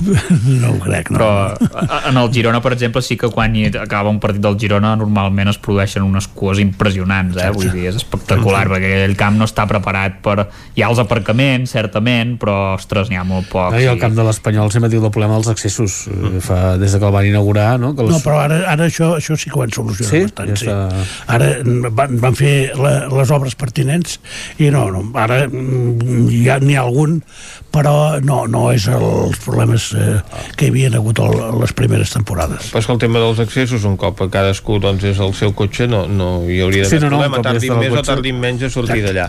No, no, les cues dels cotxes El no problema són és quan preocupants. coincideix la gent a les sortides o les entrades del camp. I l'altra cosa, per exemple, doncs, si a part que, bueno, tant, tant, tant és, si és a la Fira de Cornellà que només amb el carnet de soci doncs, pots anar-hi a, a aparcar, per tant, és gratuït. Uh -huh. Com a, a l'Esplau hi ha un moment que es produeix, eh, diguem, una corrua de cotxes, però cadascú a casa seva, cadascú el seu cotxe, i amb això no, no, no hi ha d'haver problema. Jo home, veig més problema per accedir al cotxe en el moment que s'acaba el partit. Llavors, llavors sí que hi ha una acumulació mm. que ja dic, amb una, amb una mica de seny i, i d'una manera de, de, de ben fer es, es podria solucionar. Doncs la Lliga de Primera Divisió que torna aquest cap de setmana i entrem ja en una recta final on alguna cosa s'ha de començar a decidir, veure si l'Atlètic sí. de Madrid aconsegueix doncs, mantenir aquest avantatge o no, li va pesant això d'estar al capdavant de la classificació, però la veritat és que la cosa... No, aquest, aquest cap de setmana que ve és un bon partit. Uh, Sevilla Atlético de Madrid, és, bueno, uh Mhm. -huh. uh, Cal Pizjuán, bueno, veiem si si punxa l'Atlètic de Madrid i posa encara més emoció en aquesta, en aquesta lliga, n'hauria de, de punxar dos perquè tingués opció, si més no, el Barça ara mateix però... El Barça, com que juga dilluns, doncs ja Sí. sabrà què han fet Sí, el, el Madrid i l'Atlètic. Madrid amb l'Eibar, no? Sí, Madrid Sí. amb l'Eibar. Per, partit fàcil, no?, en principi. No, El Madrid, sí. el Barça, principi Valladolid. sí. Barça, Valladolid, Ostres, sí. Valladolid, casa. rival poderós, eh? rival, rival complicat, rival que està allà a la part baixa, no?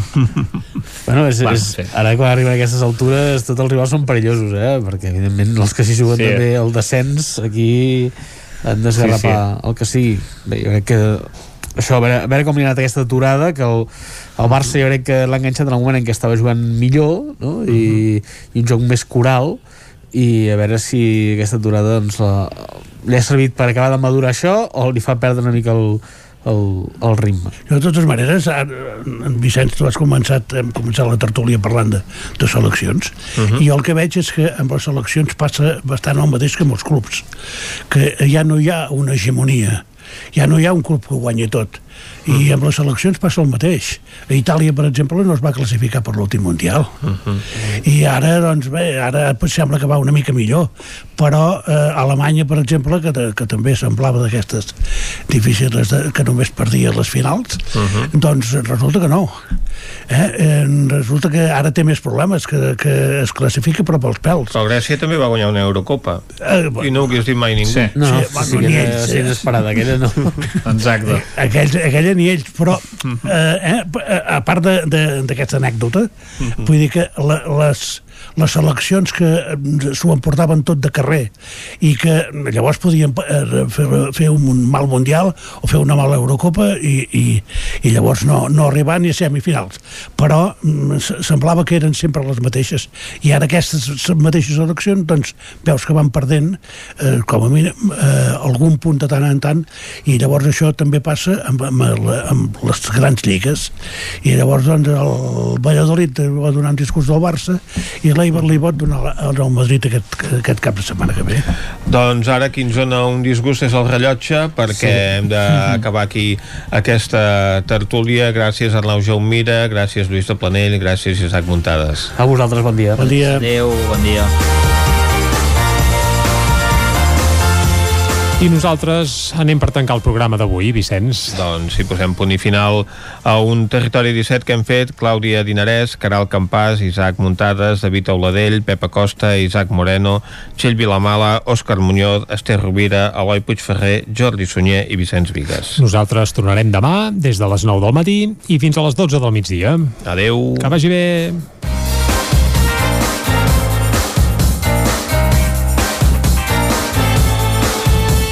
Territori 17, un magazín del nou FM. La veu de Sant Joan, Ona Codinenca i Ràdio Cardedeu amb el suport de la xarxa. El nou FM.